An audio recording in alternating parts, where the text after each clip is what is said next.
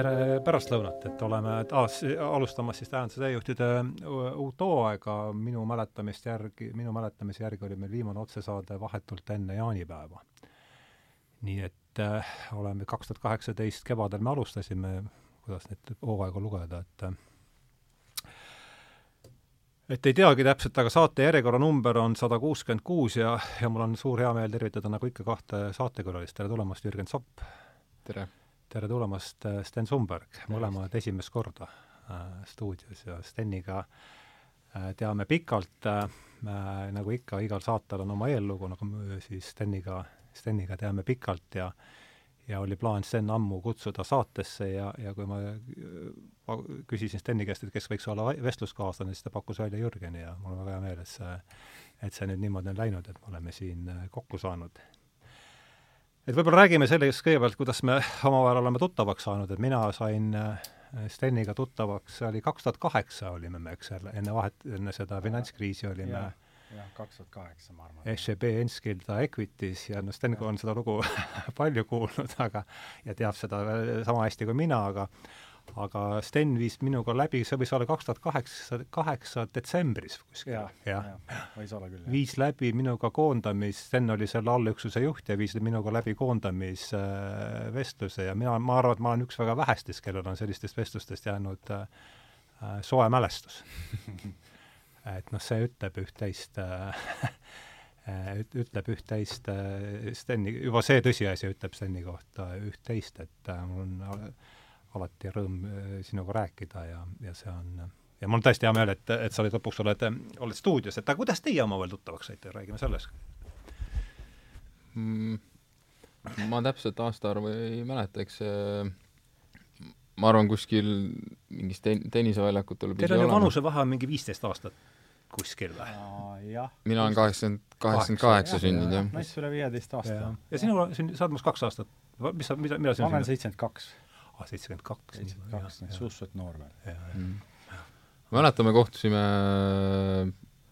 ma ei tea, see ilmselt ei olnud esimest korda, aga see, ma mängisin viimast aastat juuniore, see oli kaks tuhat kuus aasta US Open mm. -hmm. ja minul seisis noorteturniir siis ees ja siis vist Kaia mängis samal ajal ja siis sa olid äh, Priiduga minu arust seal.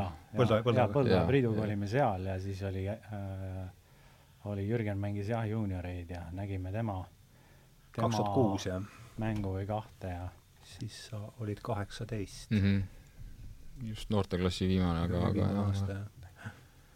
aga jah, ma arvan, et see ei olnud esimene või selles mõttes jah, et kindlasti olime varem kuskilt kohtunud, umbes võib-olla sellest ajast niimoodi sattusime rohkem teineteise otsa jooksma tennise, tennisekeskkonnas, põhiliselt siis kuskil tennisehallis või tenniseväljakutel ja ja sealt vaikselt äh, ka nagu suhtlesime äh, järjest rohkem ja tekkis olukordi, kus oli seda kokkupuutepinda rohkem ja nii edasi ja sealt, sealt oleme siis äh, Jürksiga, Jürksiga nagu äh, hakanud rohkem suhtlema, jah. kas teil on, äh, treenerid on äh, sealt laste, lasteaiast ja noorteajast on, on ühised või, või on, olete tulnud erinevatest sellis-, erinevat teed pidi? no inimesed, ma arvan, kellega me kokku puutunud on, neid ühiseid inimesi äh, on kindlasti, et no see on ju väike maailm sellest. jah, et et äh, noh, näiteks äh, Davis Cupi mängudel, noh, meil on noh, mina küll ei ole noh, sinu ajal oli kapten Harri Nepi, ma eeldan, ja, ja Harri on olnud minu, minu treener ma just mõtlesin, kas Nepi, tegelikult ma sinna umbes sihtsingi, et kas te olete Nepiga Nepi, Nepi jaa, jaa, jah, et selles mõttes äh, et äh, mina, mina küll äh, olin esimest korda siis Davis Cupis, kui, kui oli just ka tulnud äh, uus kapten Ain Suurtal. et mina nagu Harriga Davis Cupi meeskonda jagada ei saanud, aga, aga selles mõttes jah, Audentese viimastel aastatel oli, oli Harri üks treeneritest seal, kui, kui mina olin ka keskkoolis ja, ja siis, ja varem on ka kontakti olnud, et ma arvan, ma Harriga kohtusin, kui ma olin ka niisugune või no esimesed mõned trennid tegime koos, kui ma olin võib-olla niisugune ka üksteist või kaksteist või midagi sellist mm. -hmm kaks tuhat kuus olid sina juba, Sten, ilmselt äh, tulnud sellest profi, profitennisest, äh, olid juba mõnda aega väljas või? jah, no mina tegelikult äh, profitennisesse ei jõudnudki, et ma mängisin eks ole, ülikoolis ja plaan oli küll minna profi, aga ma sinna välja ei jõudnud. mm. -hmm. et siis erinevatel põhjustel, tõenäoliselt peamine põhjus oli see, et ma ei olnud selleks lihtsalt piisavalt hea et, et noh, võib-olla ma ei jäänud ka väga kaugele sellest, aga, aga noh, see on siiski väga suur üleminek ja ja see tähendaks siis AT, ATP-d, eks? jah, jah ja, et selle all, all me mõtleme ATP-d, aga mängisin ma niimoodi tõsiselt äh, väga intensiivse harjutamisega ja võistlemisega kuni aastani üheksakümmend kuus. Mhm. nii et ma, ma vanuse mõttes lõpetasin hästi vara ja mul oli, põhiline põhjus oli ikkagi, et selg oli et ma olen niisuguse kehva seljaga vend, nii et selleks ajaks oli selg nii rikutud ja, ja noh, sisuliselt ei lasknud mängida enam, nii et et mul ei olnud, mul ei olnud nagu väga mõtet, ma tundsin, mul ei ole mõtet punnitada enam selle, selle seljaga, et ma ei, kindlasti ei, ei saa ma sellega kuhugile minna edasi väga kõrgele. kas ten-, see, või tähendab, selg saab tennises kõvasti vatti, mul on vist nii, nii, nii, nii vähe, kui ma saab küll, jah. Jürgen, Jürgenil on ka vist olnud neid ja jaa, mul oli ka üks äh, paha seljavigastus jah, lausa alaselja väsimusmurd oli äh, me räägime siis selgroost või? jah, jah. no ütleme, võib-olla väsimusmurd, sõna murd ja, see... Äh, kõlab nii, et nagu midagi oleks pooleks olnud, aga selles mõttes päris nii hull ei olnud, aga, aga aga jaa, oli jah, selline vigastus jah, et see ütleme, maadlesin niisugune üle kahe aasta maadlesin sellega. op, op ka või? ei, õnneks sinnamaani, oli, vahepeal oli, ütleme, noh, ütleme spetsialiste oli palju ja kuna segadus oli suur ja siis vahepeal nagu keegi nagu mainis seda, aga ma nagu lõpuks taht-, kuulasin ikkagi neid, kes ütlesid, et seda ei ole vaja ja jumal tänatud, et ma arvan, ma ei tea, kas ma oleks edasi mänginud pärast seda.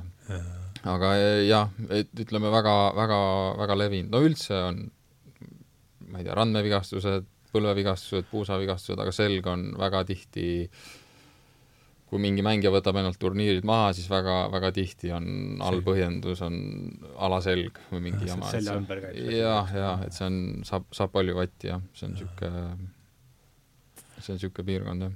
no kui palju, ütleme, selles profitennises kas on üldse selliseid mänge, kus lähed väljakule ja on niimoodi, et ei, ei valutagi kuskilt või, või no ikka on. ikka on, jah? jaa, jaa, et äh, aga ütleme, selle mingi väikse, see valulävi peab nagu olema teatud piirini, et äh, et kui sa kogu aeg eeldad, et kõik on jube plastiline ja painduv ja kuskilt ei valuta, siis on ka nagu, äh, siis on ka nagu jama, et aga, aga on kindlasti ka neid mänge, kus otseselt kuskilt ei valuta jah, et mhm. no nii palju või nii vähe, kui ma nüüd jõudsin vaadata, sinu tennisekarjäärist, Sten, tuli esimesena ikkagi ette üheksakümmend neli siis äh, Davis Cup äh, Lätiga. See on ilmselt üks, üks selliseid vastab tõele jah, et ma tulin USA-st, USA-st niisuguse suhteliselt lühikese äh,, lühikese äh, aja, ajavahe sees tulin ja siis olid jah, meil mängud äh, sel ajal veel sa tulid USA-st tagasi siis või? jaa, jaa. mind nagu kutsutigi, kutsutigi ja siis, et ma, ma tuleks mängiks ja siis ma lendasin USA-sse, oli, kui ma mäletan, õieti aprillikuu, et äh, ja siis mängisime Kalevi spordihallis sel ajal veel äh, kurikuulsal Puuväljakul. puuväljakul? jah, Puuväljakul nii et, et seal olidki Aha. aegadest algusest olnud äh, puuväljakud tenni, tennise ja, jaoks ja, ja ja kiire põrge siis ühesõnaga? sel ajal, ega sellel ajal neid alternatiive väga palju teisi ei olnud ja, ja võib-olla see konkreetne valik nüüd, et tehti puu peal, oli niisugune taktikaline, et äkki, äkki me saame rohkem kiirust ja vähem pikki pallivahetusi ja nii edasi ja ja, ja siin on Davis on et see ose, küllakutsuja pool valib siis väljaku, eks? väljakatte. seal on küll see, et need katted peavad vastama teatud standarditele, tänaseks on puu ära keelatud mm, -hmm. ma arvan, suhteliselt objektiivsetel põhjustel. et, et noh, ta oli natuke liiga kiire kate, nii et eks ta, ega ta tegi mängimise ikka väga raskeks, nii et, et see põrge on lihtsalt nii kiire aga tol ajal oli see lubatud ja, ja veel mitmed mõned aastad ka peale seda, kui me siis mängisime ja, ja ja taktikalises mõttes tegelikult ma arvan, see ei olnud äh, paha mõte, et et teha endal natuke elu lihtsamaks sellega, et on selline eksootiline kate, millega võib-olla vastased nii kursis ei ole ja ja, ja nii et see puu nagu selles mõttes toimis jah, jah aprillikuus jah, siis, siis sai mängitud Läti vastu, jah. mõned nägidki, mina mäletan sa mäletad neid mänge või? seda üheksakümmend nelja ei, ei olid siis kuueaastane. jah, ma just, ma ütleme, kuueaastaselt sattusingi tennise juurde, aga ma mäletan äh, Egiptusega mängu seal. ja siis, mille Eestis võitis viis-null, sest ma arvan, vastased nägid esimest korda elus äh, pu puuväljakut ja siis äh, ma mäletan äh, mis aasta see võis olla? millal see võis olla? Mingi kahe, kahe tuhande ringis või? jah, jah, mingi viis-kuus aastat hiljem, ma arvan. kes meil siis olid, said siis? Luskin oli tiimis, ma arvan, äkki Vahkal. Künnap, Vahkaliga mängisid sina Vilms oli ka tiimis Vahka, Vahkaliga ja Läti vastu mängisime meie Vahkaliga. Vilms oli tiimis ka veel siis Egiptuse vastu minu arust ja, ja siis ma mäletan veel Norra vastu, Eesti küll kaotas kolm-kaks, aga Alti Vahkal võitis äh, seda Jan Frode Anderseni, kes oli vist kahesajases isegi tol hetkel. jah, ta on sada kolmkümmend, ta on ju minu vana, minu vana semu, et me mis ta nimi on? ja Jan Frode Andersen, et ma käisin nagu ühes ülikoolis, me olime nagu Arizonas või? jaa, Ahaa. oleme head sõbrad, me elasime kaks aastat, jagasime korterit nagu üliõpilastena ja treenisime koos tiimis ja, ja ja reisisime, võistlesime koos ja nii edasi täiesti puhtjuhuslikult sattus nii, et ta jätkas tennisega ja ta, tal vist kõrgemaks jäi sinna saja kahekümne, saja kolmekümne kanti ATP-s, aga ta on ka äh, paaril Grand Slamil kaasa mänginud, ka French Ahah. Openil vist äh, teise ringi jõudnud ja, ja nii edasi, aga ühes toas olite? Jah, kaks aastat, kaks aastat jagasime siiani korterit suhtlete või? iga, peaaegu iga päev jah, räägime erinevatel teemadel ja, ja, ja ta on ka nagu valdkonda vahetanud, aga ta mängis tegelikult päris pikalt, ta pani kuni ka aastani, kui ma ei eksi, kaks tuhat viis välja mm. -hmm. nii et äh, et, et jah, aga oli puhas juhus, et siis tema sattus nii, et Norra mängib siis Eesti vastu ja ta oli sellel hetkel Norra number üks võimalik, et te- tegelikult võis olla Christian Root, kes mingil põhjusel äkki kaasa ei mänginud, kui ma nüüd, kui ma nüüd veel edasi mõtlen, igal juhul tol hetkel seda mäletan isegi, seda nime mäletan isegi mina see kõnes. on selle, Käsper, Käsper Ah, Roodi selle, isa, jah. selle just, isa on jah, kes Ahah. US Openil mängib. ja, ja siis ma täpselt, mõtlen, jah. täpselt nii jah, et et ju siis tema mingil põhjusel ei saanud kaasa mängida, aga tol hetkel siis Jan oli nagu tiimi esinumber seekord, kui nad Tallinnas mängisid ja siis ta läks puu peal ka, puu peal ka Vahkaliga kokku ja kaotas, mis noh, muidugi tema jaoks justkui tal oli sellel hetkel vist ranking juba kahesaja sees, oli nagu justkui noh, ega ta oli suhteliselt pettunud selles, aga seal oligi järel, järelkaja oli siis see, et Norra oligi siis esimene, kes esitas rahvusvahelisele tenniseföderatsioonile kaebuse mm -hmm. ja ettepaneku, et puul mängimine tuleb ära lõpetada, et see ei ole nagu tennis või mis iganes, et see on liiga kiire kate ja ma ei tea, kas, kas see oli see põhjus, aga siis mõned aastad hiljem puu oligi juba keelatud. keegi veel jah, minu arust esitas protesti, aga jah, Eesti, Eesti on mänginud suurt rolli, et enam puu peal ei või tennist Jah, mängida. mis seal veel, veel ek- eksootilisemad katted veel on siis, on muru, eks, on savi äh, tee, täna praegult on äh, suhteliselt nagu see vee peal päris ei mängita. ei, aga jah, ütleme, see ring on suhteliselt kitsaks jäänud, aga noh, ütleme need vana, vana, varasemast need, ütleme, kui on, me räägime hardcore'ist, siis hardcore'd äh, on nii erinevate Jah. kiirustega, aga noh, selles mõttes äh, ma ei tea, mis, mis eksootilisi katteid minul meenub kõige kihvtim lugu sellest, et kunagi noorteklassis me noh, siis oli Nõukogude Liit, käisime palju Venemaal võistlustel ja siis Moskvas oli mingisugune plastikkate, kus mängisid ja siis me olime mingid kümne-üheteistaastased, noh, võib-olla pigem üksteist ja siis seal need üheteistaastased lõid teineteisele, teineteisele muudkui ässasid. sest kate oli nii kiire, et kui sa suhteliselt Veel kiirem- veel kiirem kui laud, kindlasti kiirem kui see puu. Mm. Ahah. sest ta, need osad, niisugused imelikud katted on ka sellised, nad võimendavad põrget.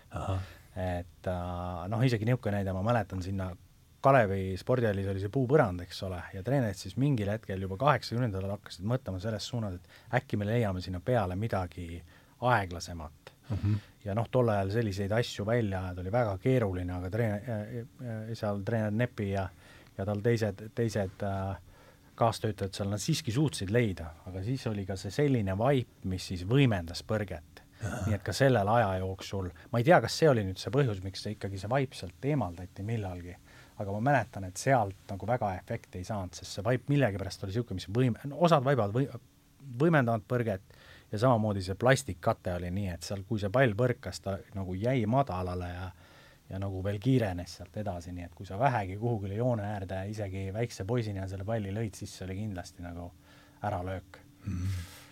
et niisugune asi jah, meenub sul ei ole midagi sellist, siis oli juba mina olen mänginud küll puu peal, ütleme, noorteturniire, ütleme jah, aga need jäid niisugune vanusesse ka, niisugune kuni, kuni kaksteist, aga väga palju sai puu peal mängitud mm, -hmm. sest äh, sealsamas Kalevis olen mänginud, Pärnus oli üks niisugune, Savi tänaval oli niisugune puuväljakus, astusid hallist sisse ja poole meetri pärast oligi juba üksikmängujoon. ja ma mäletan, meil keelati keskkohast, ei tohtinud väga palju paremal servides, sa said otse, otse vastu seina servida, nii. ja siis kas sa, kas sa oled seda Pärnust pärit või? ei ole, ei ole. Tallinnast ikka? Ja siis jah, Sillamäel olen mänginud puu veel peal, et selles mõttes jaa, see oli väga, väga ta-, siis oli kas äh, ütleme, kui mina olin niisugune veel kümme või kuni üksteist, kaksteist, siis oli kas Kadriorus või Nõmmel oli vaip väljak ja paljudes kohtades oli, oli kas see Rootsis, Rootsis toodi neid vanu Boltex vaipasi, mida rootslased enam ei tahtnud, siis need toodi Eestisse, siis või oli puu, puuväljakud aga räägiks üldse sellest Davis Cupi äh,, seal on ju täitsa teine atmosfäär, eks ole, kui on, ütleme, sellel ATP, nii, nii, nii vähe kui mina sellest olen aru saanud, et äh, see ütleme, õhkkond äh, platsi ümber haakub rohkem sellise korvpalli või, või, või, või jalgpalli, kui, kui ütleme, sellise suure slam'i turniiridega. on, on vist nii või? Jaa, on küll jah, seal ilmselt nagu natuke sellepärast haakub, et äh, noh, see on nagu riigile elatakse pigem kaasa, noh, mängijatele väljakul loomulikult ka, aga võib-olla tekib see mingi suurem ühtsustunne, kui mm -hmm. nii-öelda elame kaasa Eesti koondisele. et äh, mängijatel on ka niisugune teistsugune tunne seda mängida, sest muidu on kõik turniirid on individuaalturniirid, tihti mm -hmm. reisid üksi või treeneriga, oled ainult enda eest väljas, siis niisugune, see annab võimaluse niisugune kaks-kolm korda aastas nii-öelda mängida nii-öelda tiimi eest ja mm, -hmm. ja nagu elada kaasa tiimikaaslastele ja samas nagu omada teistsugust pinget ja vastutust ka mm. -hmm. sest ma mäletan, kui ma esimest korda mängisin, see on, see on millal sa mängisid esimest korda Davis Cupi? Äh, kaks tuhat kuus oligi kuus, siis. kaks kuus, jah mm. -hmm. ja siis äh, mängisime küll võõrsil. sa olid siis kaheksateist siis, jah? jaa. kelle, kes, kes sul olid sassis? meil oligi, oli mina, Jaak Põldmaa, Vladimir Ivanov ja Mikk Kirdoja. meil oligi kõik noored, kellelgi ühtegi ATP punkti ei olnud, mängisime seda Euro-Aafrika tsooni kolmandat gruppi Bosnias Aha. ja tulime isegi, tõusime kõrgemasse liigasse. et niisugune noor tiim oli. kapten Ain Suurtal, see oli ka tema esimene, esimene nii-öelda, esimene võistlus Davis Cupi kaptenina, et see on jah no,, see on teistsugune niisugune närvipinge, et sa oled natukene, kui ütleme, kaotad, siis on äh, veel halvem tunne kui muidu et siis, et, et sul oli, et tunned natuke, et oled tiimikaaslase alt vedanud, et aga kui võidad, siis on jälle teistsuguse tugevam emotsioon, et on niisugune kas seal on, kas on pealtvaatajatel on ka kuidagi teised äh, reeglid või? tegelikult ei ole. ei ole jah? aa, mul ei ole jah, mul läks mm., et see et kõik need asjad, noh, samad reeglid kehtivad, aga servi aeg ikka vait olla ja jah, neid ütleme, rikutakse seal kuidagi rohkem, rohkem tihti jah, eriti kui on kuskil mingid niisugused suuremad lahingud ja oleneb ilmselt, ma mäletan ise ka, et väga suur vahe on, me oleme mänginud äh, Taanis Taani vastu, siis olid kõik väga rahulikult, inimesed lihtsalt plaksutasid, me oleme mänginud Bosnias Bosnia vastu, täiesti teine asi jah, et see, siis seal konkreetselt ma ei tea, viskasid palli õhku, tehti mingeid hääli, et äh, jah, see sõltub väga, kelle, mis, mis rahva vastu mängid.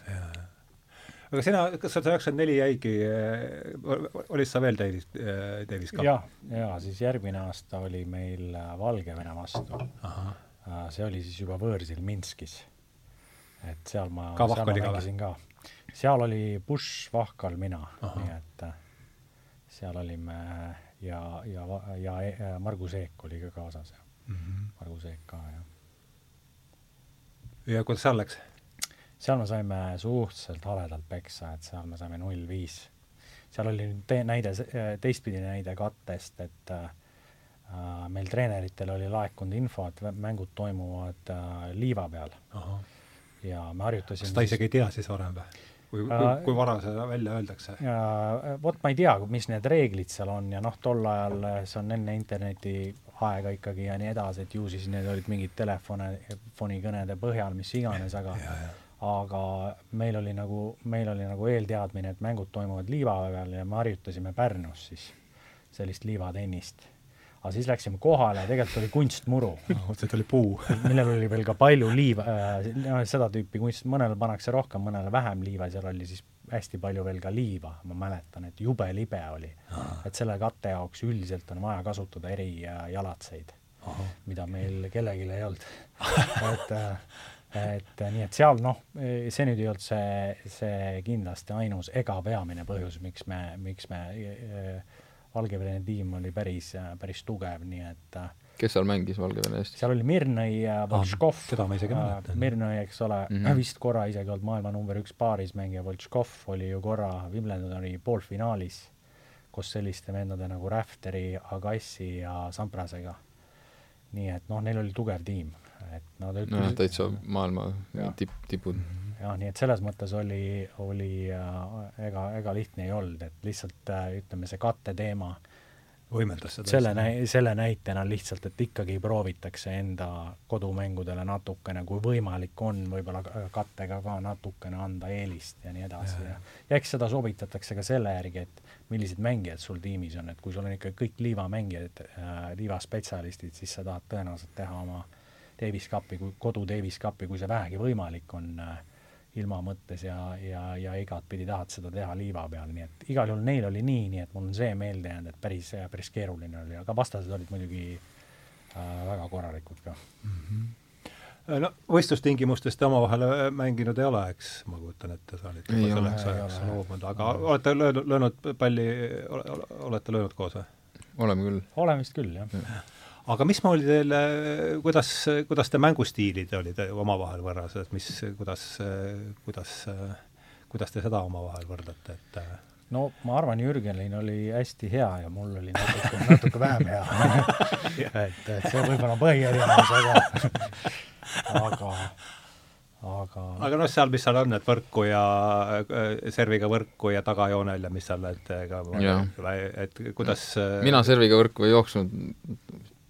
Sina olid servpalli mängija? ma vahel, vahel ikka mängisin jah, hiljem aina vähem, sest selleks sul peab olema, no mind hakkas selg väga palju segama ja kui sa ikkagi mängid servi pealt võrku, sa pead väga hästi liikuma mm -hmm. seal servis ja just seda võtta, seda esimest tõrjet ja nii edasi, et noh, ta, ta on kehale hästi nõudlik mm -hmm. asi, nii et pärast ma sain nagu seda teha vähem ja mäng alguses sa üritasid, jah? jah, ma mäletan, et seal mingil hetkel äh, hetkel just USA-s ma mängisin päris palju ja mingi perioodi isegi, noh, tol ajal oli see, tennis oligi nats teistmoodi. et tol ajal, kui minna tagasi üheksakümnendate algusesse, siis ju mängiti hästi palju servi pealt võrku üleüldse mm -hmm. ja kui vaadata näiteks Wimbledoni, siis oli standard, oli see, et sa mängid mõlemad äh, servid, mõlemate servide pealt lähed võrku järgi mm. -hmm. esimene ja teine serv oli niisugune tüüpiline mängu, mängukava sellel ajal et see on nagu, noh, mitme... nagu üldiselt lausa? jaa, üleüldiselt lausa, jah. see on aja jooksul muutunud sellega, et palli tehti natukene raskemaks ja vist suuremaks, et mäng selles Kiiru, kiirus maha natuke. kiirust natuke, just seda servi kiirust maha võtta, sest Wimbledon oligi mingil hetkel nii, et üks suur lihtsalt servimine mm. -hmm. ja, ja natuke no, mäng hakkas ära kaduma, nii et ma arvan, see oli jumala õige, et see tehti, aga noh, teine asi on see, et lihtsalt kui vaadata neid ka mängijaid, see tase on järjest nii parema, palju paremaks läinud, et noh äh,, ega seal vahet ei ole, kui sa praegu Djokovic'i vastu mängiksid sellesama vana palligagi, et äh, lihtsalt need äh, tõrjujad on juba, see tase on nii edasi arenenud, nad tõrjuvad lihtsalt nii hästi, et seda ei, ma, ma arvan, et noh, äh,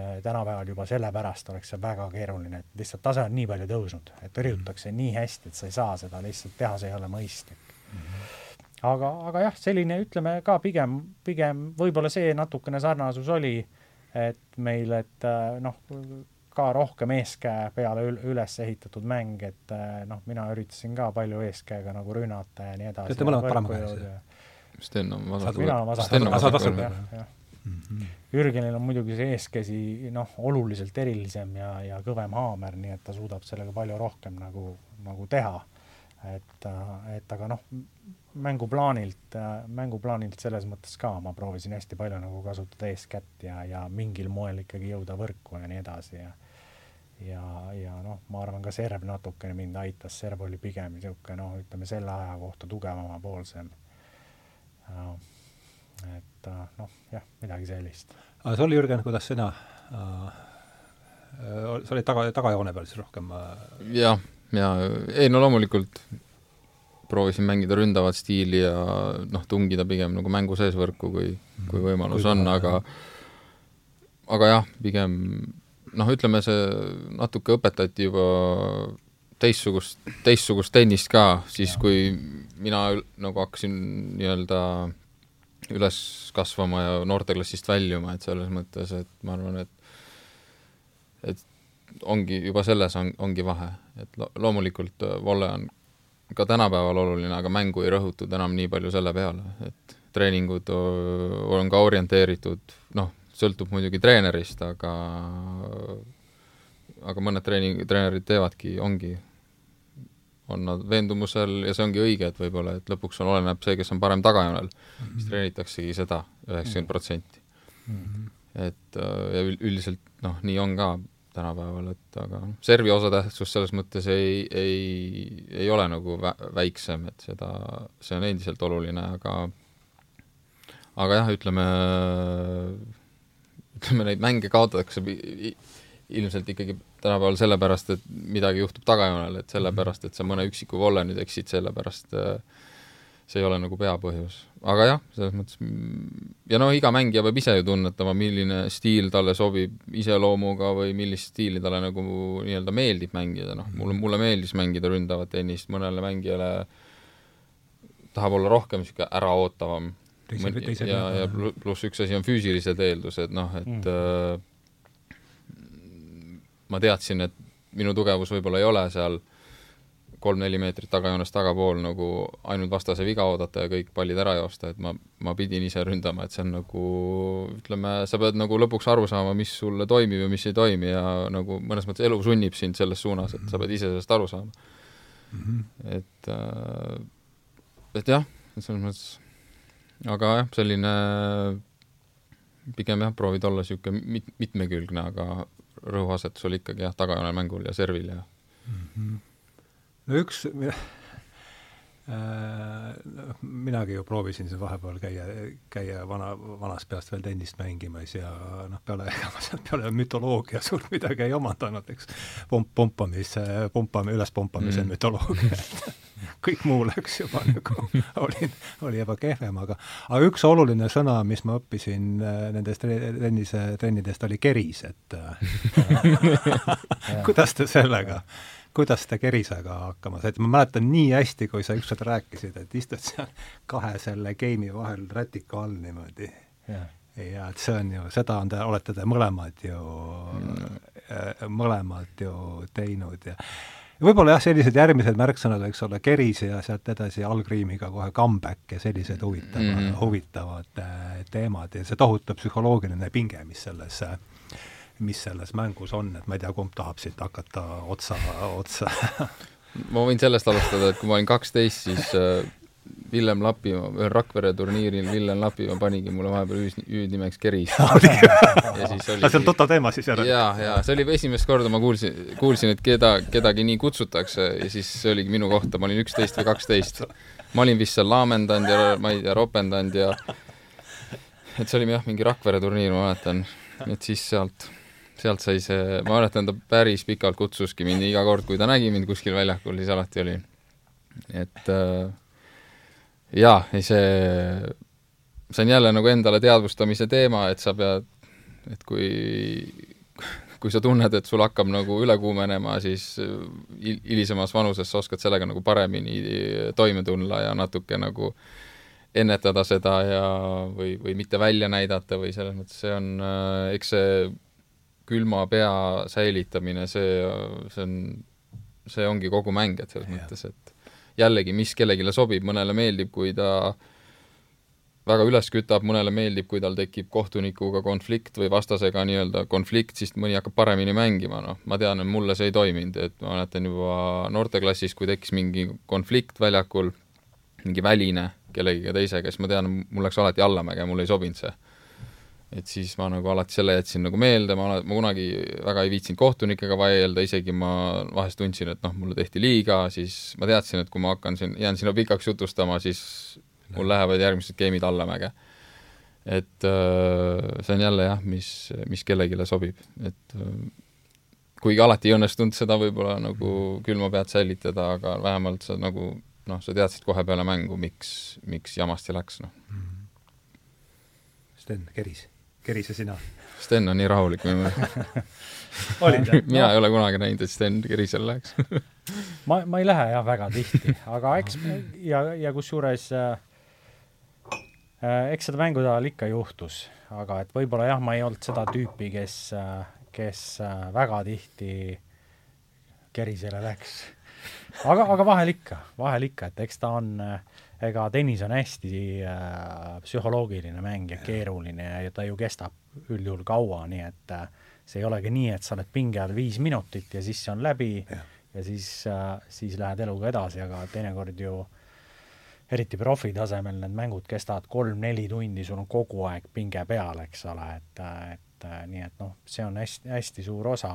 Ja, ja noh, teine asi, millele sa korra vihjasid, mis ka on niisugune äh, teise nurga alt minu arust hästi keeruline asi, millega on ka tihti raske toime tulla, on see, et sul on päris palju mõtlemisaega ka tennises. Yeah ja, ja eriti just need äh, äh, pooltevahetuste istumised ja nii edasi ja seal see võib jõud-, seal, jah, seal võib jõudma mõelda igasuguseid asju, et äh, et äh, ja noh, nagu ikka, nagu kõigega, et äh, noh, võib, võib ka mõelda väga häid asju ja ennast inspireerida ja saada heasse, heasse vaimsesse seisundisse ja võid ka enda lukku mõelda ja nii edasi ja, ja, ja, ja pluss jälle on sees, on võimalus rahunemiseks ja kõik sellised asjad, nii et aga aga jah, ega see kerisega on jah nii, nagu ta on, et lihtne on öelda, et ära mine kerisele, aga, aga vahel ikka see keris, keris tekib ja ja see on huvitav, kui sa said seal ühe, sa olid üheteist-kaheteist aastaselt, said hüüdne, hüüdnimeks Keris, et kuidas sa, mäletad sa, kuidas sa sealt kuidagi, see on, kuidas sa sealt äh, välja tulid või ja pärast ma saan aru, et olid rohkem niisugune äh, ikkagi rahul, et kuidas, kuidas, kas on sul meeles, kuidas sa sealt niimoodi ei, ega ta nii väga ei, ei häirinud mind, see oli pigem niisugune noh, poolnaljaga ja et selles mõttes, aga aga ikkagi mingi suht-, kuidagi ei, see ikka võib-olla, ma ei tea, võib-olla oli oluline moment minu jaoks, et keegi nagu jah, jah, aga ma arvan, ma see, tänu sellele saingi, et lihtsalt läbi kogemuse, et sa saidki aru, et et see ei aita. et jah, et nagu, et head mängud ju tulid siis, kui ma suutsin need, need, need asjad nii-öelda koos hoida ja siis lappama läks siis, kui ma ei tea, suu hakkas käima või äh, ei noh, selles mõttes vahest ütleme, vahest mingi vihapurse on okei okay,, selles mõttes, et äh, ma ei tea, on see reketi lõhkumine või millegi seda ikka on juhtunud, ma kujutan. on küll, jah, jah, ja siis äh, või mingi karjumine, aga noh, selles mõttes, et,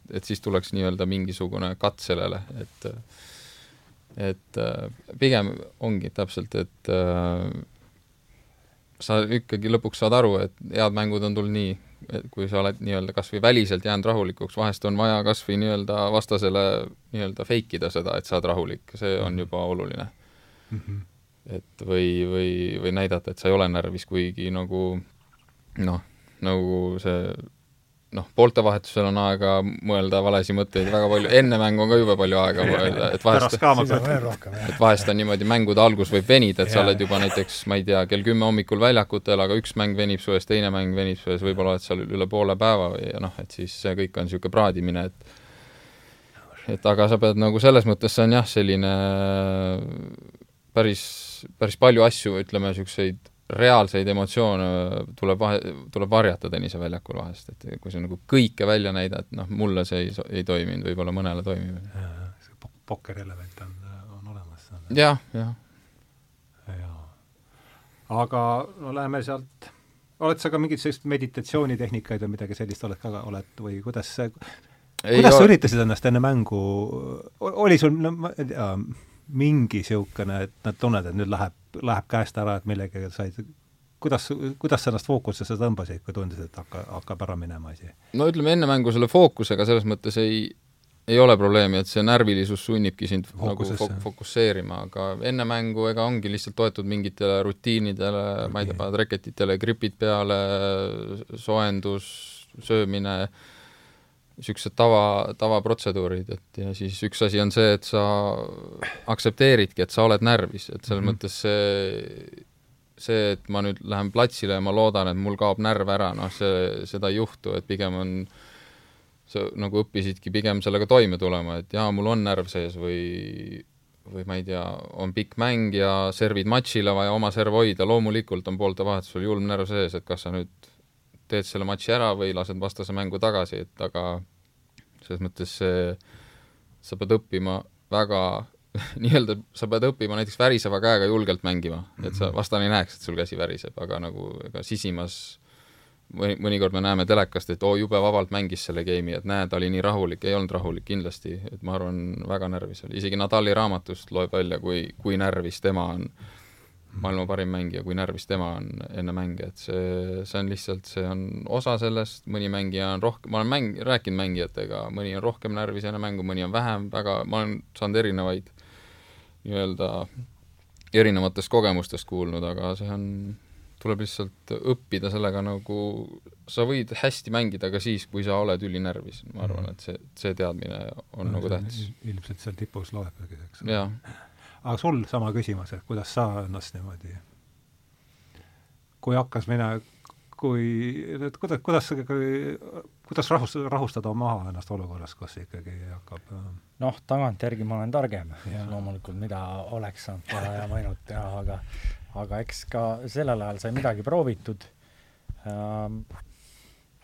no ma arvan, minu puhul oli ta oli ta, ma millegipärast arvan äh, nagu äh, vähem organiseeritud ja kaootilisem kui, kui äh,, kui Jürgenil äh,. noh, lihtsalt Jürgenil nii palju rohkem ja pikem, pikem karjäär ja nii palju rohkem kogemust ja nii edasi ja aja jooksul sa lihvid ja sa näed, mis võib-olla toimib, mis sellistes olukordades sind, sind aitab ja nii mit-, ja, ja mitte, aga eks ma mingeid asju proovisin, proovisin ikka teha ja põhi on, põhiline on see, et sa noh, leida üles need head mõtted ja leida üles need, ma usun näiteks sellesse, et hästi hea on, kui sa, kui sa äh, suudad endale luua nagu tegevusplaani kriitilisel hetkel ka, et seesama näide, mis Jürgen ja Jürgen tõi, et noh, ma ei tea, lähed äh, servima seda viimast, viimast game'i, millega võib-olla saad mängu ära lõpetada, et et ka võimalikult palju nagu viia mõte sinna, et mis ma ja mis ma reaalselt tegema peaks ja teha mm -hmm. saaks, versus see, et sa mõtled,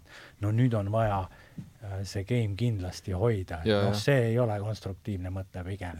plaan see, aitab, jah. plaan, et sul ikkagi mm -hmm. oleks see plaan ja defineeritud ja ma usun, aja jooksul kui sa seda teadvustad, sa suudad mõelda erinevateks olukordadeks võib-olla päris palju nippe välja, et et et omal ajal võib-olla tegeled, see, ütleme, see mängu vaimne pool oli natukene, eks loomulikult saadi aru, aru juba siis, et see on oluline, aga seda võib-olla rõhutati nats vähem ja me nagu organiseeritud moel panime sellele palju vähem rõhku kui tänapäeval, et ma usun, see on ka kindlasti mängus kõvasti edasi arenenud ja ma usun, kui sellega tegeleda, see noh, ma oletan, et äh, sa päris palju asju annab teha just, et mis sulle endale sobib, e, erinevad olukorrad, mida ma saan sellel hetkel mõelda, mida ma saan teha, kuni selleni välja, et mida ma saan mänguliselt võib-olla muuta, et kui mul ikka väga käsi väriseb, siis lihtne on öelda, et proovi teha nii, et ei väriseks, aga siis ta ikkagi väriseb, eks ole. siis ta väriseb rohkem.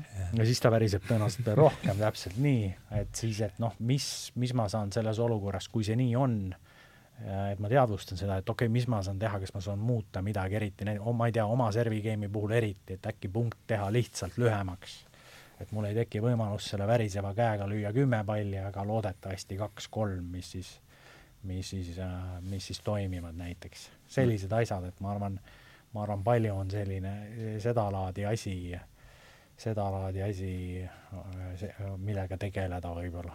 aga mingil määral, eks ma ikka jah, omal ajal proovisin, aga võib-olla niimoodi, mitte niimoodi liiga palju selle peale ei mõelda, aga noh, ütleme, mäng lihtsalt sundis sind nendesse olukordadesse, kus sa teadsid, oi pagan, siin on niisugune olukord, et nüüd võib hakata käsi värisema ja, ja noh, siis ta nagu pani sul võib-olla isegi natuke lihtsalt sundolukorda, et okei okay,, mis ma nüüd teen ja nii edasi ja sealt ikkagi sa sellega tegelesid, aga aga sellist teadlikku, teadlikku võib-olla harjutamist ja, ja, ja ja tegevuskava loomist olukordadeks, sellist oli, oli vähem kindlasti mm -hmm. kui tänapäeval mm. -hmm aga võtame siis teise niisuguse K-tähega algava mõiste nagu comeback, et, et enda tennisekarjääris võib-olla, mis on nähtud, ütleme, ütleme, te olete palju ka tennist vaadanud, et mis on niisugune, võtame kõigepealt selle, et üldisemalt, et olete näinud tennist tundide kaupa kindlasti, et kui, kui äh, ütelda sõna comeback, et mis, äh, mis, mis tuleb tennise ajaloost esimesena teile, teile pähe? vaadatud matšidest, niisugune kus... nagu matšisisene matši, comeback? matšisisene comeback, jah. Mm.. ma ei tea, noh, räägi. no ütle sina. Ai, ma, ma mõtlesin lähiminevikust, ma mäletan selle aasta Australian Openi finaal, kui kas Nadal oli ju kaks, kaks setti Medvedev vastu ta, ja, taga. Ah, selle aasta, vot siis ma juba selle aasta Australian Open jah, et mm -hmm. ma ei tea, pigem tuleb lähi, lähiminevikust mm -hmm. meelde. selle aasta Austraalias, jah jah, jah, et see, see nagu Nadal oli kaks, seda ma ei vaadanud. kaks-null settidega oli taga jah, et pigem. aga mis seal siis, sa, sa nägid mängu, jah? ma nägin mängu jah, jah. mis seal siis, seal on niisugune sõna nagu momentum on seal tõenäoliselt mm -hmm. üks ja see haakub ilmselt kogu selle asjaga, et kuidas võtab, tuleks selle, püsiks selle mängu juures natuke aega, et mis seal siis, siis sul kõrvaltvaatajana, et ma peaks hiljem vaataks ise ka huviga uurida. ma täpselt seal..., ma ausalt, ega ma täpselt nüüd ei mäleta, mis see murranguline moment seal oli. et see oli ikkagi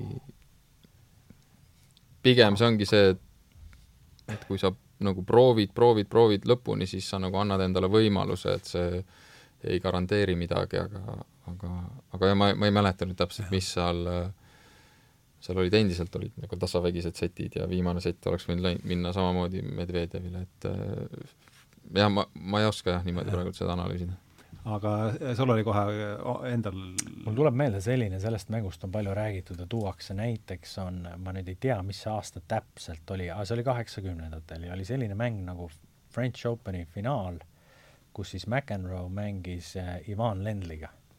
ja McEnroe ei võitnudki kunagi French Openit, aga tookord finaalis ta läks kahe setiga ette ja kui ma nüüd õieti mäletan, kas oli ta kaks-null eessettidega või kaks-üks ja kas äkki siis kas siis kolmandas või neljandas ka ees juba neli-kaks mm. -hmm. ja McEnroe ise siis alati räägib sellest mängust, et et ta nagu oskas selle ise kuidagi ära kaadata ja see on talle nagu nagu valuline teema, ma olen näinud mitmel korral, et ta nagu tõstatab selle teema ise ja räägib, oi, see oli jube, jube, jube valus, valus kaotus minu jaoks. igal juhul Lendl võitis lõpuks kas äkki seitse-viis otsustavas viiendas või oli kuus-neli, midagi sellist otsustas setis Lendl, Lendl siis äh, võitis ja ja ma mäletan väikse poisina ma vaatasin seda mängu ja ja aga ei vaadanud ka lõpuni, oligi kuidagi nii, et äh, nägin paari setti, vaatasin, ahah, okei okay,, McEnroe võidab ja ja ma ei tea, läksin õue mängima või mida iganes, aga ja, ja siis äh, tegelikult tuli sinna nagu pööre, aga see mäng nägigi välja nii, et algus, et äh, et see oli üks nendest perioodidest, kui McEnroe oli, ma pakun, maailma number üks ja noh, ta oligi väga noh, tal on ju seal paar aasta või kaks olnud, mulle meenub nagu üks aasta vist oli ka tal selline, kui ta kaotas kogu hooaja peale, kogu aasta peale kolm mängu. et, et nii et noh, see oli tal nagu sellel kõrgperioodil, nii et ta oli soosik tõenäoliselt mängu minnes ja nii edasi, aga mingi, mingi pööre seal siis tuli, et et ma ei näinud, mis see, mis see, mis see oli, tagantjärgi ma olen vist otsustavat seti vaadanud huvi pärast ja ja siis oli see mäng juba muidugi, otsustas seti minnakse kaks kahe pealt, eks ole, settidega, siis see oli juba iga, igas mõttes võrdne, mhm. võrdne mäng ja läks nii, et Lendl võitis, aga, aga see on niisugune nagu päris, päris pull case, mis, mis kargas pähe mul kaheksakümnendad, vabandust, nii. mul tegi vastane ükskord hea comeback'i, see on jälle lapsepõlve trauma, aga see see, ma olin kuus, kuus, üks, viis, null ees. kuus, üks, viis, null? jaa. ma olin kaksteist siis. mängisite kahte, kolme jaa, no üks game oli jäänud. no see, see oli niisugune, ma olin kuus, üks, viis, null? jaa oh,.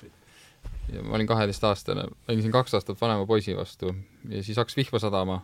Neid lugusid on palju, kus on eduseisust hakanud vihm-, see on nagu Grand Slami finaalides on juhtunud ja Agassi Medvedev vist on üks niisugune näide kunagi French Openi finaalis. see on päris kihvt näide muide, jah. ja, ja siis äh, ja siis jah, hakkas vihma sadama ja siis, kui me pärast vihmapausi hakkasime mängima, siis ma ühe game'i sain veel, seitse-viis, kuus-üks.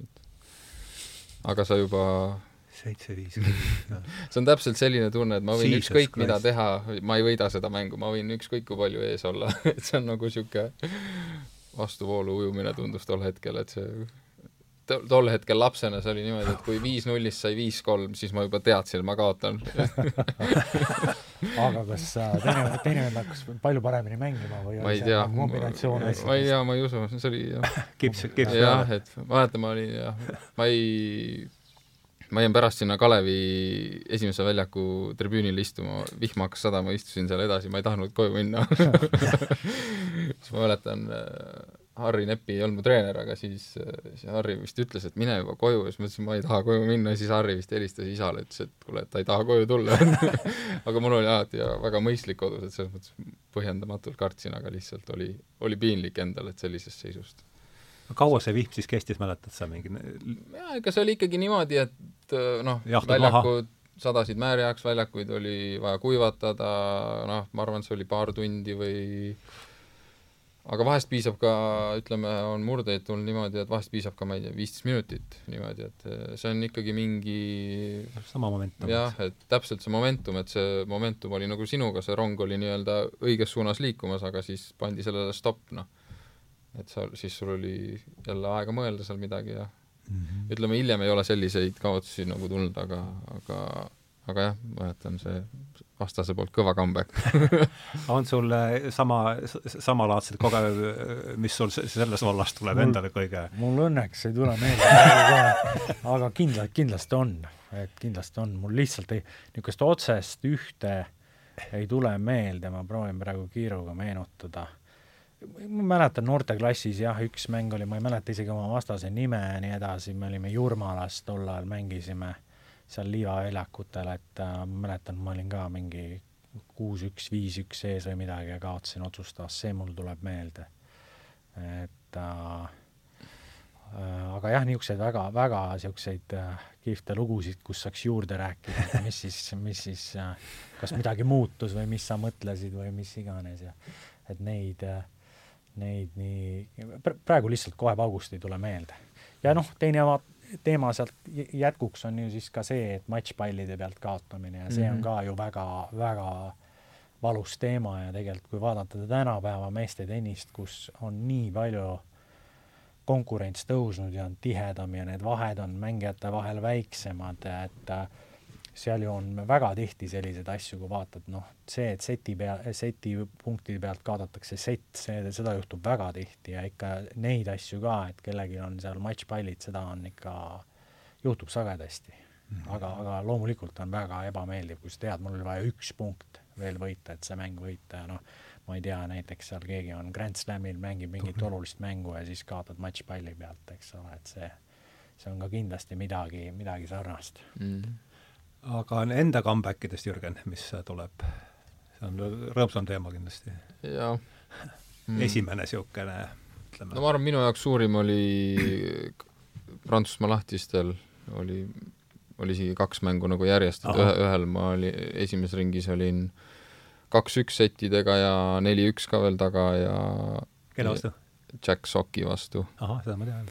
Yankee'ks jah, ja siis tiebreak'is veel, neljanda seti tiebreak'is veel neli-üks taga, et seal ja siis veel järgmine, siis ma võitsin viies setis ja siis järgmises ringis olin ühe belglase vastu kaks-null settide taga. et see oli nagu minu jaoks, jah, ma ei olnud varem nii-öelda, ma ei olnudki vist varem, võib-olla Davis Cupil olin viies setis kedagi võitnud, aga Grand Slamil ei olnud, et see oli Aha. nagu, oli nii-öelda esmakordne ja õnneks tuli õige koha peal mis aasta? kaks tuhat kaheksateist. kaks tuhat kaheksateist, jah. aa, suhteliselt hiljuti mm. -hmm. juba et jaa, aga noh, niisuguseid, niisuguseid väiksemaid ikka on olnud, aga, aga need võib-olla, need võib-olla, ütleme, ma nimetan jah, ütleme, kui sa oled kuskil, ma ei tea, neli-kaks taga või viis-kolm, et see ei ole nüüd nii suur noh oleneb, mis olukord ka, kas see on finaal või esimene ring, aga jah, nendes oli nii-öelda see edumaa natuke suurem vastasel. on sul näiteks Sokiga mängust meeles ka mingi niisugune hetk, kus te tundsite, et nüüd hakkas rong äh, teistpidi liikuma või mm.? mingid üksikud punktid tõenäoliselt on need, kus ilmselt see tegelikult ma, ütleme, see oli pikk mäng, aga ma ei, viiesetiline mäng, aga ma esimest korda tundsin viienda seti alguses, et ma võin võita. esimest korda, jah? Jaa, et enne seda oli ikkagi niisugune, sa üritasid olukorraga nagu toime tulla, üritasid noh, ta oli top kahekümne mängija, ma üritasin natuke nagu rohkem sammu pidada, ütleme, teine sett, teise seti ma võitsin ise küll kii-, kiiresti, aga, aga see noh, viiesetiline mäng sai noh, sai aru, et noh, et ma võidan teise seti kiiresti, et nüüd hakkabki mul niimoodi minema, et et enne oli pigem lihtsalt niisugune võitlesid, mängisid mängu, aga siis, siis viienda seti alguses ma tundsin, et, et mul on päris hea šanss, et mm -hmm. enne seda mitte aga sul, Sten, samast ütleme, e-, enda comeback idest sellisest tuleb midagi? noh, millegipärast noorteklassist jälle meenub, et seal oli sellist asja palju, mul on üks mäng meeles, et et äh, ma olin vist taga kuus-üks äh,, kas äkki viis-null ja nelikümmend viisteist. ja noh, täitsa juba mäng läinud ja, ja viis-null ja nelikümmend viisteist. ja, ja, ja sealt kuidagi, kuidagi läks. Et äh, ja vahel see võib, ma usun sellesse väga palju ka juhusest kinni ollagi. Et lihtsalt vedas seal, ega sa seda olukorda mingil moel enam kontrollida ei saa. et sa saad ainult noh, anda endast parima ja loota, et äkki veab ja vedaski ja ja noh, nii, nii ta kuidagi läks, aga see on praegu nagu, mis meenub, et kindlasti neid on veel olnud ja on olnud ka hiljem, aga millegipärast jäi mul alati see mäng meelde, sest seal oli ka veel vastasel hunnikas mingi kaheksa matšpalli või midagi ja ja kuidagi lihtsalt äh, ma ei, noh, see ei olnud kuidagi kinni sellest, mida mina tegin ja kuidagi iga kord vedas ka matšpalli ajal äh, mingi tema pall kukkus nii palju joone kõrvale ja noh, sul on vaja lihtsalt sellist asja, eks ole, et äh, et jah, mingeid niisuguseid, mingeid niisuguseid asju on olnud küll, jah aga Jürgen, kui sa ATP-ga ühinesid, millal sul noh, ikka kujutan ette, et noorena lähed ja mängijad, kellega oled üle, niimoodi vaadanud alt üles ja et mis sul niisugune esimene, esimene matš tuleb meelde, kus olid nii-öelda ütleme, niisuguse suure, suure vastasega mm -hmm. vastamisi? no eks alguses, kui sa läksid, siis iga vastane oli niisugune no,, ma ei tea, võib-olla ta oli, olid harjunud telekast teda nägema ja siis niisugune, ütleme, niisugune sisemine aukartus oli päris suur mõtlen, mis mul meenub. Äh, no võib-olla ütleme, esimene ATP turniir, mis ma mängisin, ma ei olnud veel selles mõttes ATP turniiride tasemel, aga seal sa võisid, noh, mul oli ranking piisavalt hea, et minna mängima kvalifikatsiooni mm. -hmm. ja siis äh, noh, siis oli esimene, kus ma olin nii-öelda enda suurte mängijatega ühel turniiril ühes riietusruumis, noh, see oli nagu minu jaoks suur asi. millal see oli siis? Ma arvan, see oli ka ma olin äkki mingi kakskümmend üks või midagi sellist, kaks tuhat äkki üheksa või midagi sellist mm. -hmm. või jah, mida, midagi sellist jah, ütleme, kellegiga ma seal, mäletan vist üks hispaanlane, kellega ma hiljem ka mängisin, Marcel Granollers, tema oli teda ma mäletan. jah, et ta, ma mäletan tema, ma mängisin vist kvali, ma ei mäleta, mis ring ma temaga mängisin, aga see oli see, kus ma nagu tundsin nagu mingit teistsugust kvaliteeti, mis ei olnud, ta nagu ei, ta ei löönud kõvemini kui vastased minu eelnevatel turniiridel, aga mingi asi oli temaga, ma ei tea, mingi, kas see oli mängu puhtus või kvaliteet või keskendumine või niisugune mingi teistsugune olukord oli platsil jah, et noh, just nimelt ta nagu ei, ta ei löönud kõvemini, kui minu senised vastased lõid, et selles -hmm. mõttes selles ei olnud vahe, et vahe oli milleski muus mm. -hmm ja see mäng, selle mängu? Selle mängu kaotasin, jah. aga ütleme, esimene võit selline, sellise, ütleme, seda, seda tüüpi mängija üle. see, kui ma kujutan, annab enesekindlusele ikkagi kõva jah, no ma arvan, need olid esimesed võidud nii-öelda top saja mm -hmm. mängija üle, see oli mul alati nagu unistus sinna Aha. jõuda ja kui ma nagu võitsin mõnda, mõtlen, kes see võis olla, äkki üks Slovakk, üks Karol Beck oli, võitsin teda ühel Challenger turniiril Itaalias.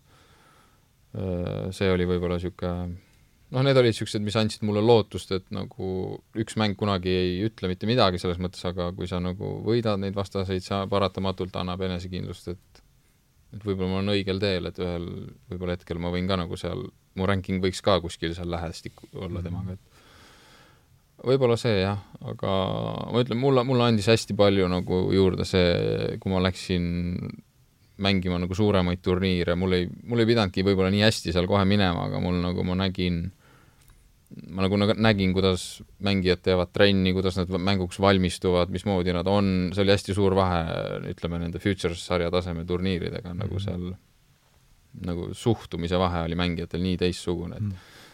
enne mängu jõusaalis soojendused, pärast cool down, kõik niisugused noh, et see oli nagu, ma arvan, ma suutsin panna nagu õigeid asju kõrva taha, et kui sa vaatad seal, et oh, kuule, see servib päris kihvtilt, nagu tegelikult see ei ole see ei ole see asi, ma arvan, mida nagu võib-olla isegi vaadata, no loomulikult on, kõik oskavad seal palli lüüa, aga just just see jah, mulle andis küll kõvasti juurde, et ma nagu nägin just, no üks asi on näha telekast ja teine asi on, ma ei tea, tribüünilt näha mängu, aga ma just nägin natuke seda köögi poolt.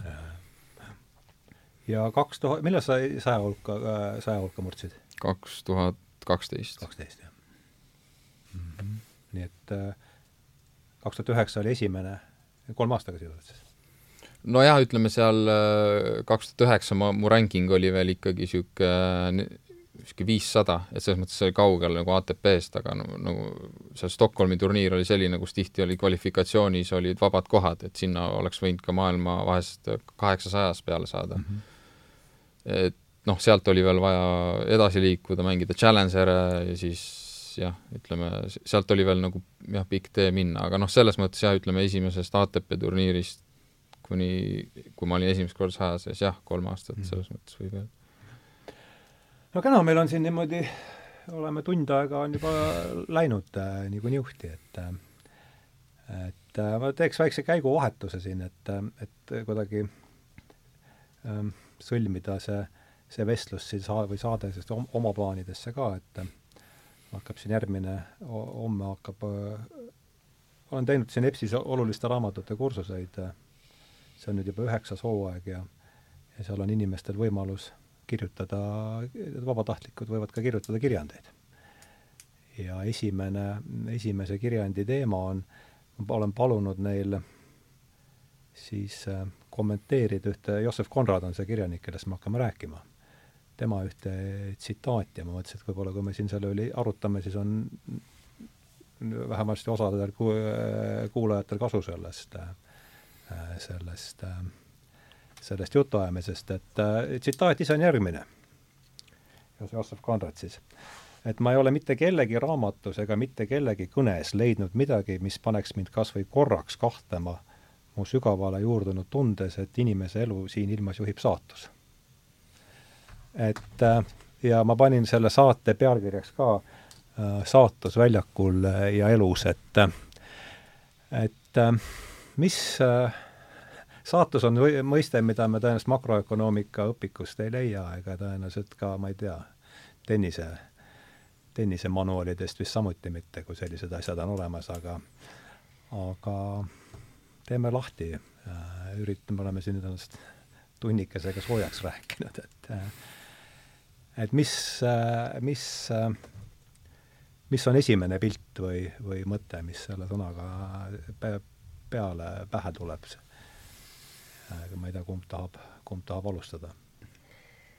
no mul kargab selline asi pähe, et kui mingil põhjusel, et noh, ta esimese asjana paneb sind mõtlema ikka sellel teemal, et mis on elus kontrollitav ja, ja mis mitte, eks ole, ja seda võib laiendada kõik, kõikidele tegevusvaldkondadele, kaasa arvatud tennisele, et ja noh, mul me meeldib nalja visata, et iga aasta ma tõstan äh, seda protsenti, mis ma usun, et elus on kinni juhuses ja noh, me võime juhuse ja saatuse nagu noh, seal mingil määral, et neil on teatud ja suur kattuv osa, eks mm -hmm. ole, ja iga aastaga oma peas mõtlen äh, nii nagu saan vanemaks, mõtlen, et äh, see protsent, mis sõltub juhusest ja saatusest, on suurem, kui ma võib-olla arvasin kakskümmend aastat tagasi mm. -hmm.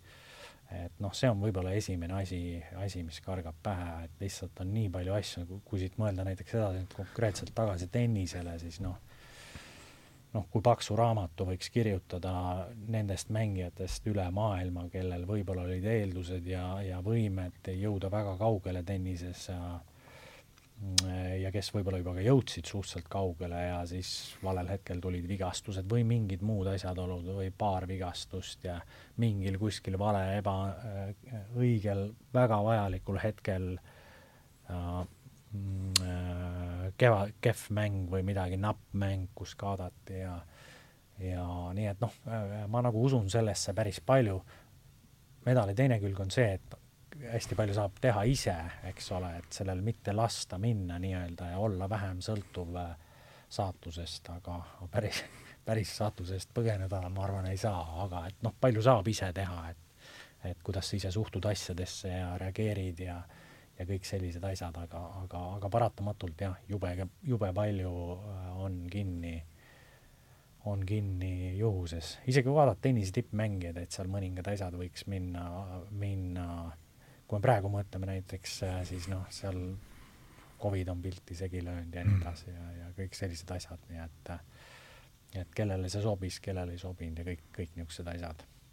et jah, jah, et et selline lõputu teema, huvitav teema kindlasti ja, ja, ja, ja noh, kindlasti ta mõjutab, mõjutab paratamatult, ma arvan, iga inimene võib rääkida enda elust lugusid, kus oli nii, oleks võinud minna nii, mingi asja, väikse asja tõttu või võib-olla natuke suurema asja tõttu läks hoopis teisiti ja kuna oleks teisiti, siis läks veel see omakorda teisiti ja nii edasi, kas siis paremini või halvemini mm. -hmm. et eks ta on, eks ta on suur faktor, jah.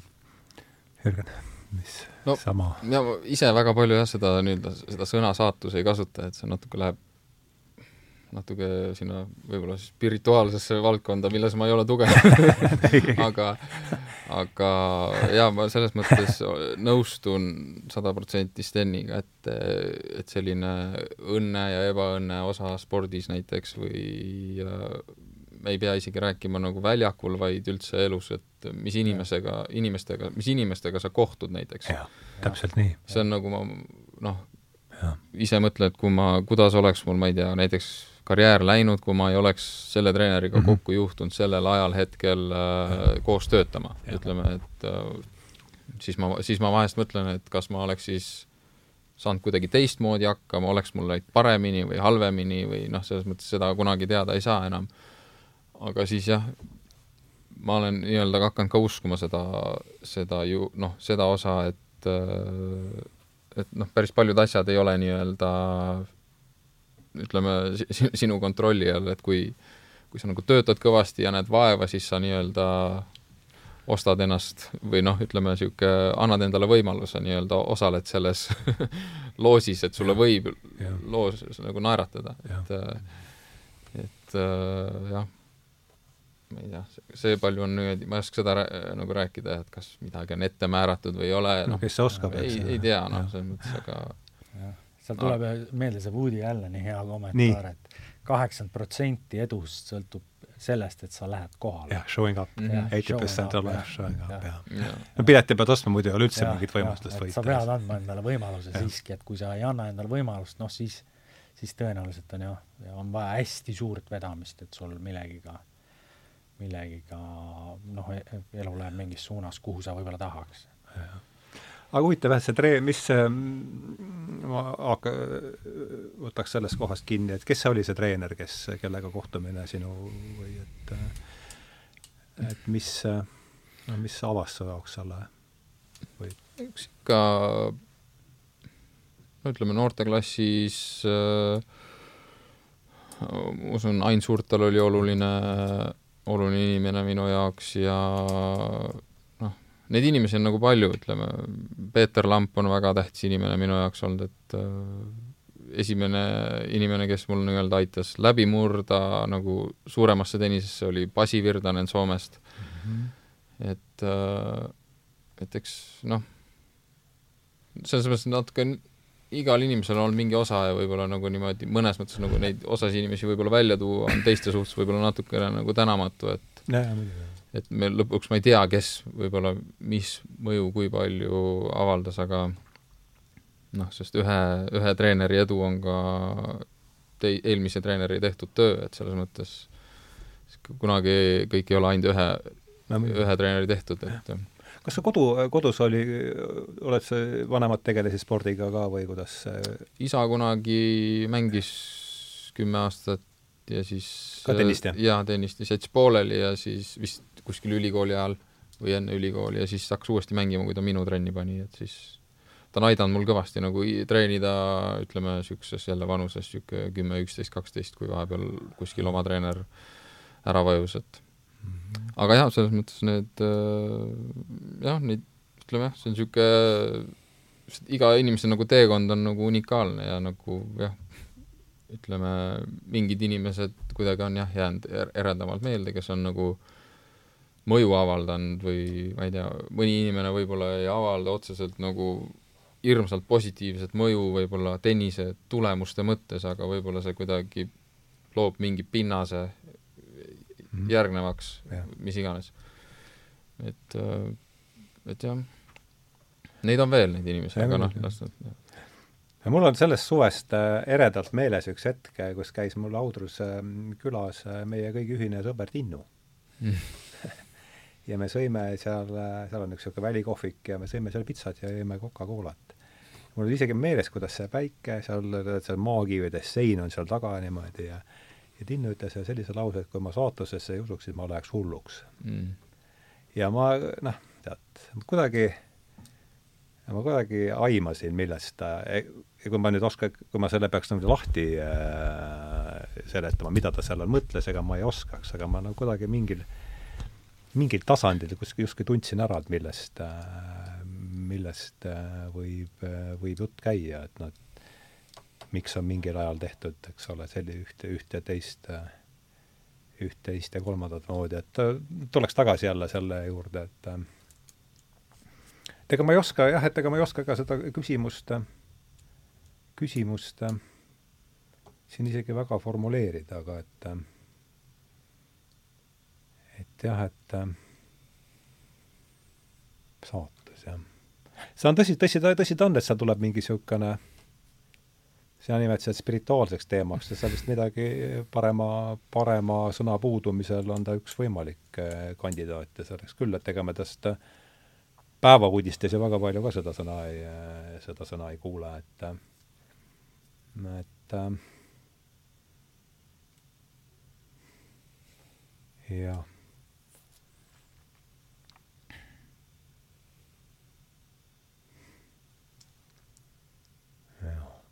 tuleb meelde, teine asi, mis tuleb meelde, on need kolm äh,, kreeklastel oli kolm saatuse jumalannat, mis need oli äh,, Klotos, Kloto, kuule, ma ei mäletagi, mis need nimed olid, aga üks igatahes mõõtis välja, üks mõõtis äh, niidi välja, teine, kurat ma, jah, seda ma ei, ei mäleta ka pikkust, aga aga kas, äh, kui rääkida puhtalt äh,, rääkidagi pildilisel tasandil teinekord, et kas on mingi pilt, mis tuleb, äh, esimene pilt, mis võiks tulla sõna, just, just pildiliselt. Äh, mis võiks olla, tulla teil sõnaga saatus pildina ette ma ei tea, miks mul kargas pähe vikatimees. vikatimees. aga, aga, aga see haakub väga nende sama selle, selle niidi lõikamisega. jah, aga noh, huumori võtme, võtmes, et, et äh, ma, ma liiga palju vigatimehe peale ei mõtle, aga raske öelda jah, jube küsimus, et äh, nagu vastus on olemas selles mõttes, see on äh, puht niisugune esimene äh,, esimese äh, jah, jah. ta küll kuidagi jah, et saatus teinekord mõjab, mõjub dramaatilise sõnana ja siis liigub mõte nagu selles suunas ja niimoodi, et aga ta on muidugi laiem teema, et ega seal ei pea näge-, nägema ainult ja kohe vigati meest mm.. Sul, Jürgen? ei tule pilti see on niisugune raske küsimus, et ma, ma, ma praegu mõtlen, et kas ma leiaks mingi natuke parema, helgema saatuse kujundi, aga, aga kohe, kohe ei karga pähe.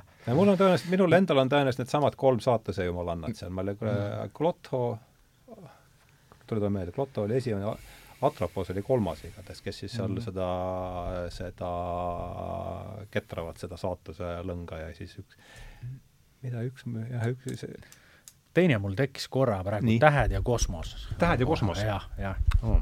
et äh, see võib-olla, mis siin, mis sulle nagu meenutab, kuivõrd äh, noh, kõik seda, et seda, mis jääb väljapoole? kõik, mis jääb väljapoole ja tegelikult on suur universum ja maa ju ise on selles nii pisike ja kõik see, see on siis see, mis sulle tujub, noh, öeldakse tihtipeale, et kui pimedal äh, ööl, kui on tähed väljas, kui vaatad, et see on mingi teatud niisugune natukene eriline kogemus mm, -hmm. siis sul tekib see side nagu selle kõiksusega, mõtled, issand jumal, ma olen siin mingid jube pisikesed äh, putukad maa peal, eks ole, ja kui suur on universum, kui palju on planeete ja nii edasi, et natukene võib-olla midagi, et see oleks võib-olla üks kujund, mis mul kargab nagu pähe, et selline, selline mõõtmatus ja määramatus ja, ja samas ka ilu ja mm. -hmm. jah saad sa lisada midagi sinna? ei tule see on keeruline teema ja Keeruline ega, ega, jah. ei, see ei tulnud ka mul lihtsalt. ega no eks ta sellepärast ega ei ole, kui jah, ju võtta endalgi siin, ma ütlen, ega ma noh, kuivõrd ma li- lihtsalt olen seda maali palju vaadanud, see on mul esimene, mis tuleb, aga ma ei oskaks ka, ega ma ei oskaks ka muud midagi öelda, kui, kui, kui, kui seda, et aga keegi kirjutas mingeid, nad kirjutasid kirjandeid või? Nad hakkavad kirjutama nüüd, jah. jah. et see, ma mõtlesingi, et kui me siin natukene ette arutame selle, et siis võib-olla kellelgi on kusagilt äh, kinni hakata, see on üks see, miks ma selle teema ei, minust ei ole palju. Ega minust ka mitte väga. ei ole ega vist minustki väga palju. Aga jah. Ähm, jaa. Ma mõtlen, et ähm, kuidas me siit, siit nüüd edasi läheme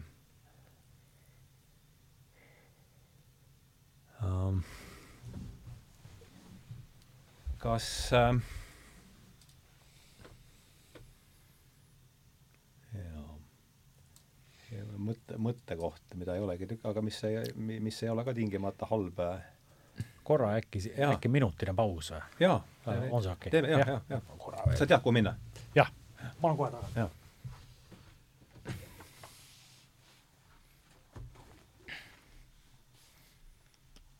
Praegu ei, ei jookse midagi? praegu me oleme ikkagi endiselt eetris, me võime ah.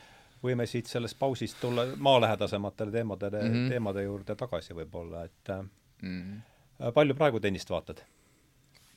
ka nüüd, nüüd vaatan päris palju. ma kuidagi viimased, ütleme viimased aastad, ütleme viimased üks-kaks aastat oma karjäärist hakkasin väga palju vähem jälgima ja Mhm. siis, kui lõpetasin, siis ka kuidagi ma ei tea, võib-olla kaitsesin ennast selle eest, ei tahtnud kuidagi vaadata. Et niisugune mingi üleküllus tekkis ja täitsa nagu vältisin, et ähm, kuidas sul ikka see karjääri lõpp oli ikkagi, tulid vigastused peale või see on ei tulnud, ei, tulnud, see, selles mõttes mul oli nagu hea, hea meel, et ma sain nagu oma, see oli nagu ma sain ise otsustada, et ma ei pidanud vi-, noh, mingi vigastus ei otsustanud minu eest.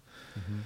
et äh, jah, see oli lihtsalt selline ilmselt niisugune mingi mõte ja niisugune jõudsin oma peas sinnamaani ja kui oled mingit asja hästi, hästi pikalt teinud ja suure pühendumusega ja nii-öelda täisgaasiga, siis üks hetk on normaalne sellest nagu väsida, lihtsalt öeldes. et siis ma tundsin, et on, on aeg, võib-olla mõnes mõttes natuke vara, kunagi ma mõtlesin, et ma mängin ikkagi mingi kolmekümne viieni või nii, aga aga see on, ma arvan, et oli õige otsus. Aga seal ei ole ju, selles iseenesest ei ole, teil on Steniga, mis oli, mingi viisteist aastat vahet, eks, et põhimõtteliselt seal võib ju ATP-l sattuda vastamisi küll äh, mängija, kes on seal viieteistaastane vanu, vanusevahe vist ei ole korrus. ei või praegu kakskümmend ja kolmkümmend viis on ju täitsa praegult ju täna hommikul veel mängisid Silic ja Alcaraz. Silits on li-, ligi nelikümmend juba või? ei ole, ei ole, Silic on täpselt, Silic on ka kahest kahest sündinud. ahaa, ja, ja Alcaraz on siis mingi üheksateist äkki või? teda. et siis ongi, ma arvan, niisugune viisteist, viisteist aastat vahet, mm. -hmm. mm. Läks, leidsid üles? nii et jah. tulime, me tulime nüüd tagasi jällegi tennisesse. kosmo-, kosmosest tagasi. rääkisime see vanusevahest, et ja ma mõtlesin just, et, et noh, te omavahel ei puutunud kokku, aga et viisteist aastat vahet, et praegu tuuril ju, tuuril ju ikkagi viieteistaastased vanusevahed ei ole midagi väga. täna hommikul Silic ja Alcaraz mängivad seal. kus nad, aa, see on USA-s, eks? jah, jaa. jaa. jah, ei, ei selles mõttes küll mitte jah, et ega, ega kui mõelda, et seal on, tänapäeval vist on see keskmine vanus läinud kõrgemaks äh, nende seas, kes jõuavad top saja sisse niimoodi keskeltläbi, aga, aga, aga isegi siis noh, ma ei tea, mis see keskmine number on kahekümnendates, kahekümnendates, aga aga noh, seal on ju, me teame ju, kui palju on neid mängijaid, kes on kolmekümnendates ja kõrgetes kolmekümnendates ja et jah, see nii nagu, ma arvan, sellist asja on palju. ja, ja no muidugi Covid on ju löönud selle, kogu selle asja. jah, nüüd vaikselt hakkab nagu normaliseeruma ja noh, selles mõttes on normaliseerunud juba tegelikult, et äh, ma vaatasin seda Djokovic'i intervjuud. see, vot see on üks, ma ütleksin, viimase aasta jooksul üks meeldejäävamaid, ma ei tea, kas sa oled näinud seda BBC intervjuud? ei ole. see intervjueerija küsib, et kui, kas te saate aru, et et kui te ei, ennast ei süsti, et siis te ei saa enam ühtegi medalit varsti. et saan aru mm, -hmm. süstite, ei süsti. Et kas te saate, siis ta tuleb uuesti mm. -hmm. kas te saate aru, et kui te ei süsti, siis te ei saa ühtegi medalit mm? -hmm. saan aru, aga süstid, ei süsti ja siis ta, ja siis see hüüe seal niimoodi, et but why, but why mm? -hmm. et see, see oli näha, et ta reaalselt ei saanudki aru, mida, et kuidas inimene saab äh, niimoodi vastata mm. -hmm. see oli kuidagi, see, see, see, see küsimus, see why mm, -hmm. See oli niivõrd, äh, noh, seda oli tõesti huvitav jälgida, et kas sa Djokovic'iga ma kuulsin, et vahepeal ta ajab siin mingit mängijate mingit ametiühingut, et mis asi see, mida see endast kujutab, et äh, no. see, see käis vist ka sealt läbi, et, et mida, sa, sa oled temaga mänginud vastamisi või? ei ole. Djokovic ei ole mänginud? ei ole mänginud, jah ma ei ole sellega jah, nii palju kursis, aga jah, ta ühesõnaga nii-öelda ATP-le paralleelselt vist tahetakse nagu mingi konkureeriv ühing, kes võib-olla arvestab mängijate mingite vajadustega või, või rohkem, kes on edukam, noh, see on nagu veel spordis on, golfis ju praegult on tehtud seal Emiraatides või kuskil meelitatakse sinna mängijaid üle. jah, et äh, noh, see ei ole veel nii nagu läinud, aga tennis, aga jah, mi-, mingit asja ta ajas, aga noh, kuna me väga midagi vist rohkem kuulnud pole, siis see käis sealt, sealt intervjuust korraks läbi, ma mõtlesin, et kas sellest on midagi, midagi mm, -hmm. midagi lähemalt teada, et äh, ma mõtlen, kui äh, kui Djokovic siin istuks ja temalt saatuse kohta küsitakse, siis ta räägiks, ma arvan, viis tundi. sest talle, sest on mulle jäänud, et talle aga miks, aga miks, huvitav, miks sa arvad seda, miks sa seda arvad? No tema mingitest intervjuudest on väga palju niisugust spirituaalsust ja kosmost ja energiat Aha. ja ta on ikkagi jah, väga, väga selle, selle maailma, selle maailma mees ja ma seda ei, ma seda ei äh, ja, ja väga, väga, ei ta ikkagi kallistab puid ja selles mõttes paneb sellest pilte üles ja et selles ah, mõttes ah, nii, seda poolt ma tõesti ei tea. jaa, tal on nagu väga tugev jah, et see ju selles mõttes see vaktsiini vastasus, see ju selles mõttes see haakub, see, see haakub sellega, jah. aga selle, et ta seda süsti ei ole nõus nagu tegema, see on minu jaoks nagu Kalle nagu avab temas nagu uut külge, sest kui, kui nagu enne seda ütleme, Covidi jama, kui mõelda Djokovicile, ta tundub nagu maailma kõige auahnem sportlane ja, ja tahab tahab võita kõige rohkem Grand Slam'e, olla läbi aegade parim, ta on seda ja. ise ka välja öelnud, aga see põhimõte on siis sellest ja. nagu veel tugevam, et ta on nõus olema mitte, mitte kõige parem, aga et hoida hoi-, jah,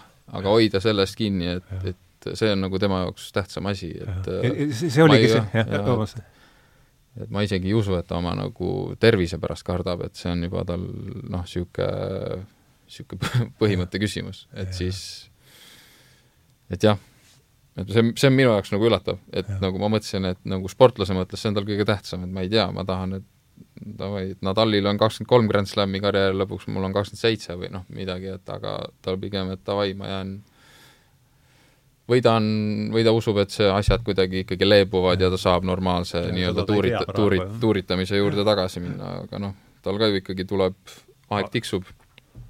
Et kui Austraalia nüüd jääb sama põhimõttega USA noh, et siis äh, pluss see, et ei saa turniire mängida, eks, suuri turniire, see ei ole ka ja, ja, jah, et siis äh, see on mõnevõrra ja, ja see oli see, millest see BBC intervjueerija, ma nägin mm, -hmm. et ta reaalselt, ta ei saanudki aru. see oli väga, väga kütkestav intervjuu. jaa, ongi raske aru saada, et see, ta ja et nüüd on nagu see asi nii kaugele läinud, et nüüd, kui ta nüüd pööraks ennast ümber ja ütleb, ah, davai, ma teen selle süsti ära, see oleks juba nagu kuidagi, ta ei saa seda nagu, ta juba endale ei saa siis peeglisse vaadata, ma arvan. mis see, kuivõrd jah, ma ütlen, et see, see intervjuu mulle jättis äh, päris sügava mulje, et mis sina temast, kuidas sina teda loed, Djokovic'i just, et äh, no, kui ta tuli selle sa sama saatuse teemaga sisse, siis ta on äh, Äh, huvitav, pakub. ma oskan ainult seda, seda noh, öelda samamoodi, mis äh, Jürgen rääkis, et see noh, täpselt samad mõtted tulevad pähe ühtepidi ja, ja, ja ja, ja noh, võib-olla teine asi ainult ongi see, et et äh,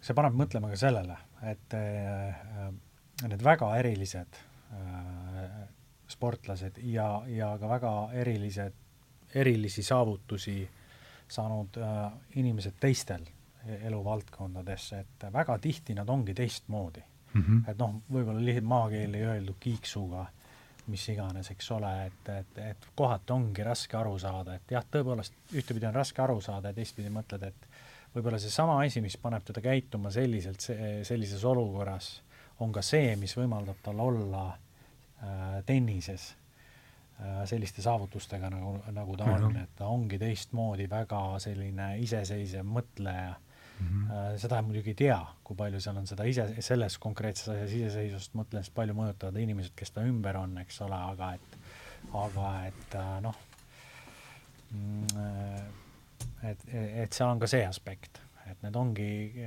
võib-olla natukene ka inimesed, kes kohati on nagu teises te,, teistmoodi tajuvad enda identiteeti ja, ja, ja olukordi ja, ja mõtlevad natukene, mõtlevad natukene teistmoodi, kas siis kas siis, on see siis konstruktiivne või vähem või mis iganes, aga et nad on natukene, natukene teines ma-, võib-olla siis teises maailmas mm. -hmm. et äh, võib-olla seesama selline väga noh, pealtnäha justkui see enesekesksus, et okei okay,, et äh, ma ei tee seda süsti ja nii edasi, see on seesama ka, mis toetab talle äh, tennist, see mingi selline kust tuleb mingi kõva drive ja kõva usk ja mm, -hmm. ja, ja kõik need asjad, mis on võimaldanud tal jõuda sinna, kus, kus ta on. lihtsalt üks niisugune mõte, mis kargab, mis kargab pähe, et et aga jah, seega seal ju ka ei tea, kui palju, kes seal, kui palju ta mõtleb, otsustab neid asju ise, kui palju võib-olla seal ümbritsev tiim, nii nagu Jürgen enne rääkis, on nii, nii palju sellest kinni, eks ole, et kes sul need ümbritsevad inimesed on ja nii edasi mm. -hmm. See oli huvitav jah, mis sa ütlesid, et, et jaa, et see tihti öeldakse jah, et umbes, et ma olen kuulnud vahest mingi ütlemas, et aa, et noh, et Federer, Nadal ja Djokovic, et nad on ju ka täitsa tavainimesed, siis ma arvan, et nad ei ole tavalised inimesed, nad on ikkagi erilised inimesed selles mõttes mm. -hmm. Nad on kehaehituselt tavalised inimesed, aga, aga selles mõttes ta, ma arvan, olla nagu nii väljapaistev ja nii edukas, noh, nagu Sten ütles, seal ongi, tal on mingeid nurki, mis tunduvadki nagu meile nii-öelda tavainimestele nagu arusaamatud, et oota, mis asja. Et äh, et jah, et see on nagu, see on, see on, see on nagu osa temast, et noh, see on nagu siiamaani kõik see ma ei tea, spirituaalsuse teema, ega ma ei taha palju rääkida, sest ma ei tea, ma olen lihtsalt näinud mingeid pilte, ma olen näinud mingit intervjuud, kus ta räägib intervjueerile, et mõttega on võimalik puhastada vett, noh. Mm -hmm., et noh, ma olen näinud lihtsalt niisuguseid asju, et ma, võib-olla on aga Djokovic räägib seda? jaa, jaa, ma näinud, kuidagi sattusin mingile klipile peale, jah et kuidas ma sinna sattusin, ma ei tea, aga aga, aga jah, see on, äh, nii on lihtsalt jah, et ta, ta on, ta on teist, teistsugune, et siiamaani ju see kõik on nagu selles mõttes tema jaoks toiminud, nüüd see Covid ja see vaktsiini asi, see on see, mis nii-öelda ta tulemust pärsib, sest ta reaalselt, ta ei saa lihtsalt võistlema minna. Aga enne me ei, noh, meil ei ole selles mõttes midagi kobiseda, toimib ju, noh, võidab Grand Slam'e, on maailma parim, kõige rohkem number üks olnud maailmas, noh et nagu, et selles mõttes äh, lõpuks tulemus määrab ja tulemusi on tal nagu noh, okei okay,, nad, Nadalil on praegu üks slam rohkem, aga noh, lõpuks ei ole ju vahet, kas seal kellelgi on üks rohkem või vähem, selles mõttes nagu, et võib-olla talle määrab see, aga mm -hmm. et selles mõttes ta ju on nagu, ta on parim ju, või noh, üks parimatest, et äh, mis iganes toimib nagu, siin ei nagu mingi mingi teooria või mingi teaduspõhises võib-olla ei noh, ei alati ei maksa, noh, et nagu kas sa, kellega sa nendest, oled sa nendest kolmest, Djokovic'iga sa ei ole mänginud? ei ole, ma ei ole nendest kolmest kellegagi jah? võistlustel kokku läinud. vot see, kus sa, kus tänu sinule meil õnnestus ju käia, mis, mis aastal me käisime, see oli kaks tuhat neliteist järsku või? võis olla küll. kaks tuhat neliteist me käisime vist tänu Stenile, kes ajas välja piletid, me ist-, kas me võis ju olla mingi viies-kuues rida või? jaa, me olime esimene rida peale äh, sponsorite bokse, suhteliselt madalal taga, tagajoone, no ideaalsete kohtade peal, jah. ja tulid läbi kõik fe, fe, Ferrer Ferrer, kes need... oli sellel ajal kas kolmas või neljas ja. maailmas, Nadal, Federer, Djokovic. saime nagu vaadata ja nad mängisid siis äh, teineteise järel kõigepealt poolfinaalis ja. ja siis järgmine päev saime vaadata finaali, oli hästi kihvt. see oli ebareaalne vedamine ja,. jah, jah Djokovic mängis Federeriga Finaal. ja, ja Nadal veel kaotas, eks ole, mäletad? Djokovic ja Ferrer mängisid, mängisid finaali, eks. ja seal oli üks niisugune ka, ma seda, ma, ma mäletan, niisugune selge niisugune momentumi muutus, kus Djok-, tal, ta oli ju finaali, Ferrer oli ju mõlemas setis Ferrer oli viis-kolm ees ja, ja, ja Djokovic võitis seitse-viis, seitse-viis mõlemal, mõlemal kolme-viie pealt ja. võitis seti. jah see oli ka üks minu, mulle väga meeldejääv mängija, see Ferrer, mida, kas, kas sa temaga oled mänginud, ole? Ferreriga? jah, Ferreriga mm,. Ei, ei, ei ole, ei tule ette küll, ei ole, ei ole. mis, aga mis mulje, ma ei tea, mingil põhjusel on tema mulle jäänud ka kuidagi no niisugune jõhker tööloom. ja, ja niisugune jah, ega muud ei oskagi öelda, ei selles mõttes jah, nagu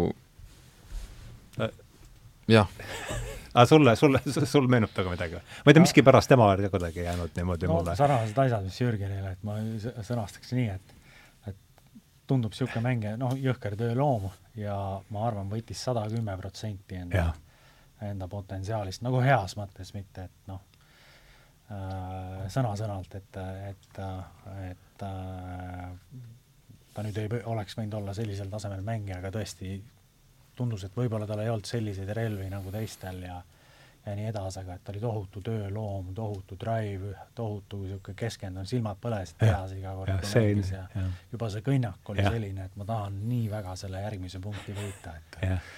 et äh, jah, et ta võttis nagu äh, väga palju välja oma, oma potentsiaalist, mina arvan. ja Tallinna Taliga oli, eks, Prantsuse lahtiste finaalis, finaalis oli, eks, jah mm. -hmm. jah aga kes, ütleme, omast, omal ajal sind, ütleme, kui sa alles hakkasid mängima, et kes sul olid niisugused põhilised inspireerijad või? kellele sa niimoodi just, ütleme seal noh, üksteist, kaksteist niimoodi, kelle no väga vaatasin alt üles soomlaste Jarko Niemisele. Jarko Niemisele? jaa, et siis tema oli ka üks nii-öelda esimesi nii-öelda maailma nii-öelda topi kuuluvaid mängijaid, keda ma nagu, ma ei tea, nägin treenimas või noh, niimoodi see oli alati jah, niisugune Soomes väga niisugune jah, ja siis, kui mina sinna jõudsin, siis noh, mul oli nagu kihvt, saime hästi läbi, mõnel turniiril olime ühes toas ja ta on siis mingi kümmekond aastat vanem või? kas ta on ka mingi kaheksakümmend üks sündinud, võib-olla? võib-olla küll, jah mm. -hmm. et siis ta isegi mingi, siis kui tema oli lõpetanud, mina mängisin, siis ta natuke isegi aitas mind mingid treeningnädalad ja see oli nagu kihvt, et saite hästi läbi, jah? jah, jah, jah, et see on nagu väga niisugune kahe jalaga maas, niisugune, niisugune töömees, lihtne, niisugune noh. kus te, aga kus tema, ütleme, mis tema parima, kus tema välja jõudis? ta oli ka saja sees või? kolmteist oli tal parim. kolmteist, tõsi ka, seda ma ATP turniire võitnud ja Grand Slamidel veerandis olnud ja kolmteist, vaata. aga sul, Sten mm,? Noh, minu ajast oli teine äh, oli nagu kaks asja, et eks me ikka telekast nii palju, kui vahel näitas.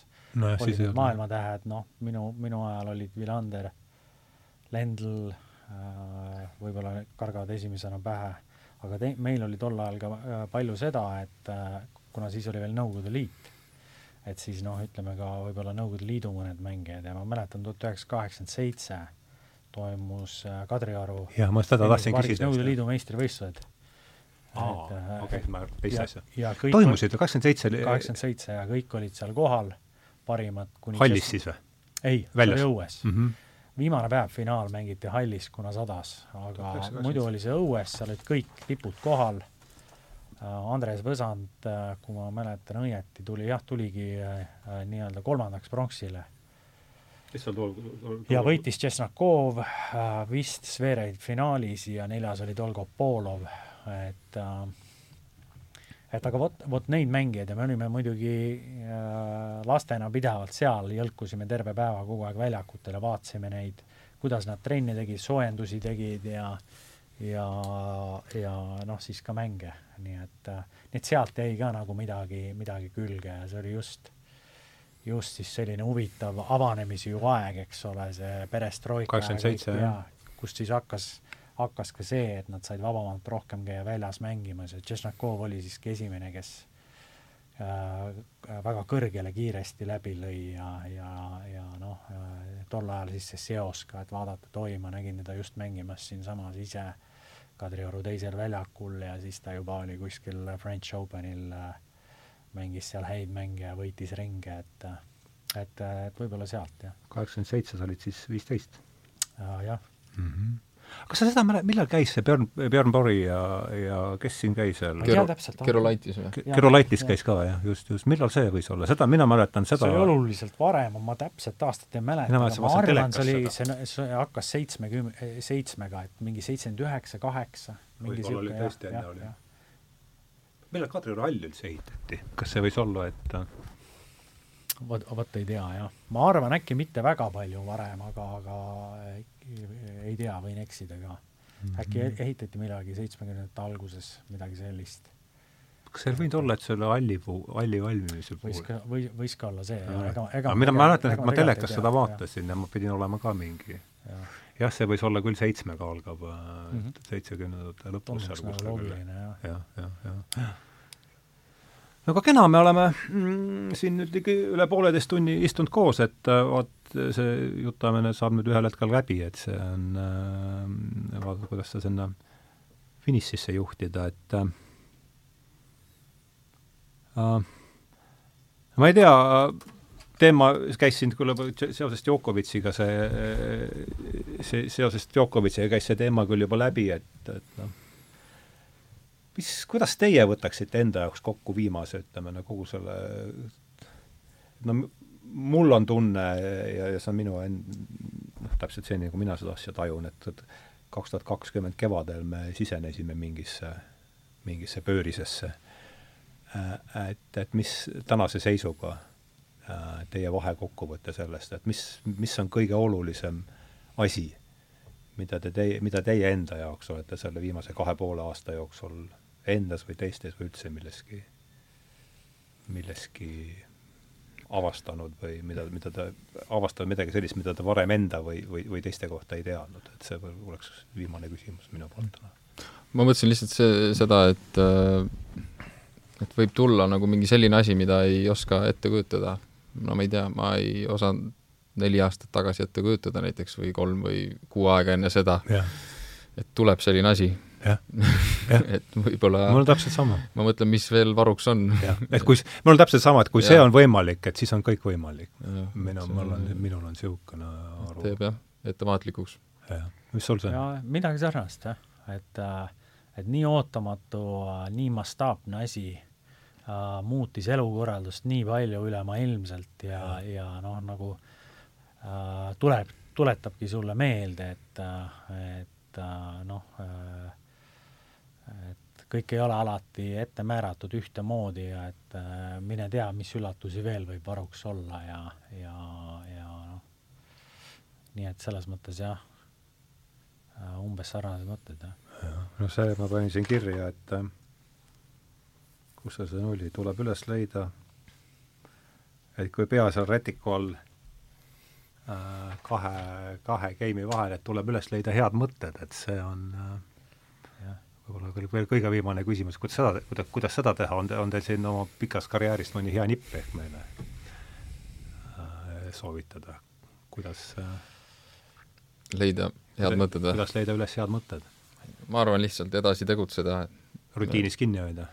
no kas rutiinis või võib ka midagi muud proovida, aga, aga selles mõttes edasi tegutseda, et ma ei tea ma üldiselt arvan väga kaua lihtsalt istuda ja oodata, mis mõtted pähe tulevad, see ei ole tavaliselt hea idee. Jah, ega see, ma arvan, siin jah, see kehaline loomult mängib, eks, et tuleb mm. ikkagi kuidagi midagi, jah. Ja.. sul? no ma ütleks, ma olen kuskilt kuulnud sellist asja, et äh, psühholoogid äh, ütlevad, et äh, hästi raske on äh, muuta seda mõtet, mis sul on et mm -hmm. äh, oluliselt nagu praktilisem ja, ja konstruktiivsem on leida uus, asendada see uue mõttega. et mm -hmm. äh, mis sisuliselt siis noh, mõeldes poolte vahetuse peale on see, et ikkagi jälle, et sa saad mõelda, et noh, sul on mingid, võib-olla mingid halvad mõtted, peal, peas oled seal mures äh,, mures, pabistad, mis iganes, et just, et mõelda lihtsalt neid asju, et okei okay,, mis ma saan teha, fokusseerida sellele, et okei okay,, mis ma saan teha, miks ma, mis ma saaks teha järgmine game, kuida ma võiks, noh, teades oma vastast senist mängukulgu, mis ma võiks äh, proovida teha ja nii edasi, nii et just tegeleda nagu uute nende, nende mõtetega, mis rõhutavad seda, mida teha. ja mitte proovida isegi seda, noh, et, et ma tahan öelda seda, et mõelda nii, et ära nüüd ole närvis ja ära nüüd pabist, et noh, ma arvan, et äh, see, see väga ei, äh, see väga ei aita et pigem, pigem just asendada need, et sa võtad lausa ruumi ära nendeks võt-, mõteteks, et sa paned sinna asemele seda, täidad selle selle sisuga, et okei okay,, ma võiks seda teha, et tundub mul hoia punktid lühikesed või hoia punktid pikad või suru natuke sinnapoole ja proovi seda ja servil, kui lähed servima, et tuleta meelde, et äh, võta rohkem aega, noh, mis iganes sa siis arvad, sind aitab servil, need asjad, eks ole, et äh, et äh, kõik sellised asjad, nii et sa täidad nagu enda pea natuke rohkem ära nende asjadega, mis sul on vaja teha ja, ja noh, kindlasti on seal teisi asju, võib-olla mingid sisseõpitud äh, sellised, äh, sisseõpitud sellised mingisugused liht, liht, võib-olla loosungid lausa, mis mm -hmm. eks ole, tennise, tennise keeles pumpavad üles. pull on ju näha Äh, kui vaatad näiteks tänapäeval neid Grand Slammegi, kus sa siis näed, mida teinekord treenerid ütlevad mängijatele, ega seal keegi ei tule mingi tohutu sügava analüüsiga, see kindlasti selleks sobiv hetk ei ole. Aga pigem on need lihtsalt sellised, noh näiteks ma nägin Coco Gauffile ütles treener, et äh, Coco Gauff ütles, ütles treener, et äh, et, et ja keep going, good energy, lihtsad asjad, nii et sellised asjad, nii et ma arvan, selline asi ka äh, leida neid inspireerivad äh, mingisugused äh, sloganid üles äh,, loosungid sellel hetkel, mis äh,, mis on lihtsad ja mis sind, mis sinust tekitavad head emotsiooni, pluss siis, pluss siis need asjad, et mi-, mis ma saaksin reaalselt teha ja siis sul võib-olla lihtsalt, lihtsalt ei mahu enam aega, aega ja ruumi sinna pähe, et mõelda, et pagan, nüüd ei tohiks seda, e-, jube hea oleks, kui saaks selle järgmise game'i kätte ja vaata, et nüüd topeltviga ei tee ja, ja või et äh, tõrjel mingil juhul viga teha ei tohi, pane tõrje mängu ja nii edasi, mis noh, mis võib-olla, võib-olla oled selle võrra veel rohkem kipsis. jah, jah, kips on ka oluline kaader kips on väga, väga kips ja keris. see on algkombi-, algkombinatsioon. tavaliselt üks viib teisele, ma olen, ma olen tähele pannud, jah kuulge, aga siis äh, ei oska ju midagi muud öelda, kui tänada teid väga, et leidsite aega üldse tulla siia täna ja mul oli väga Tänava huvitav, äh, aitäh kutsumast! väga huvitav. Äh, lobiseda ja mul on hea meel, et, et see on, sellega saime alustada selle uue hooajaga sellise jutuajamisega, et suur-suur aitäh teile mõlemale, aitäh Kaiele puldis ja aitäh, aitäh kõigile kõigile inimestele, kes on teinud selle jutuajamiste sarja võimalikuks ja soovin, soovime kuulajatele ilusat sügispäeva ja ja, ja külalistele samuti. Teile samuti. konsumaatumist.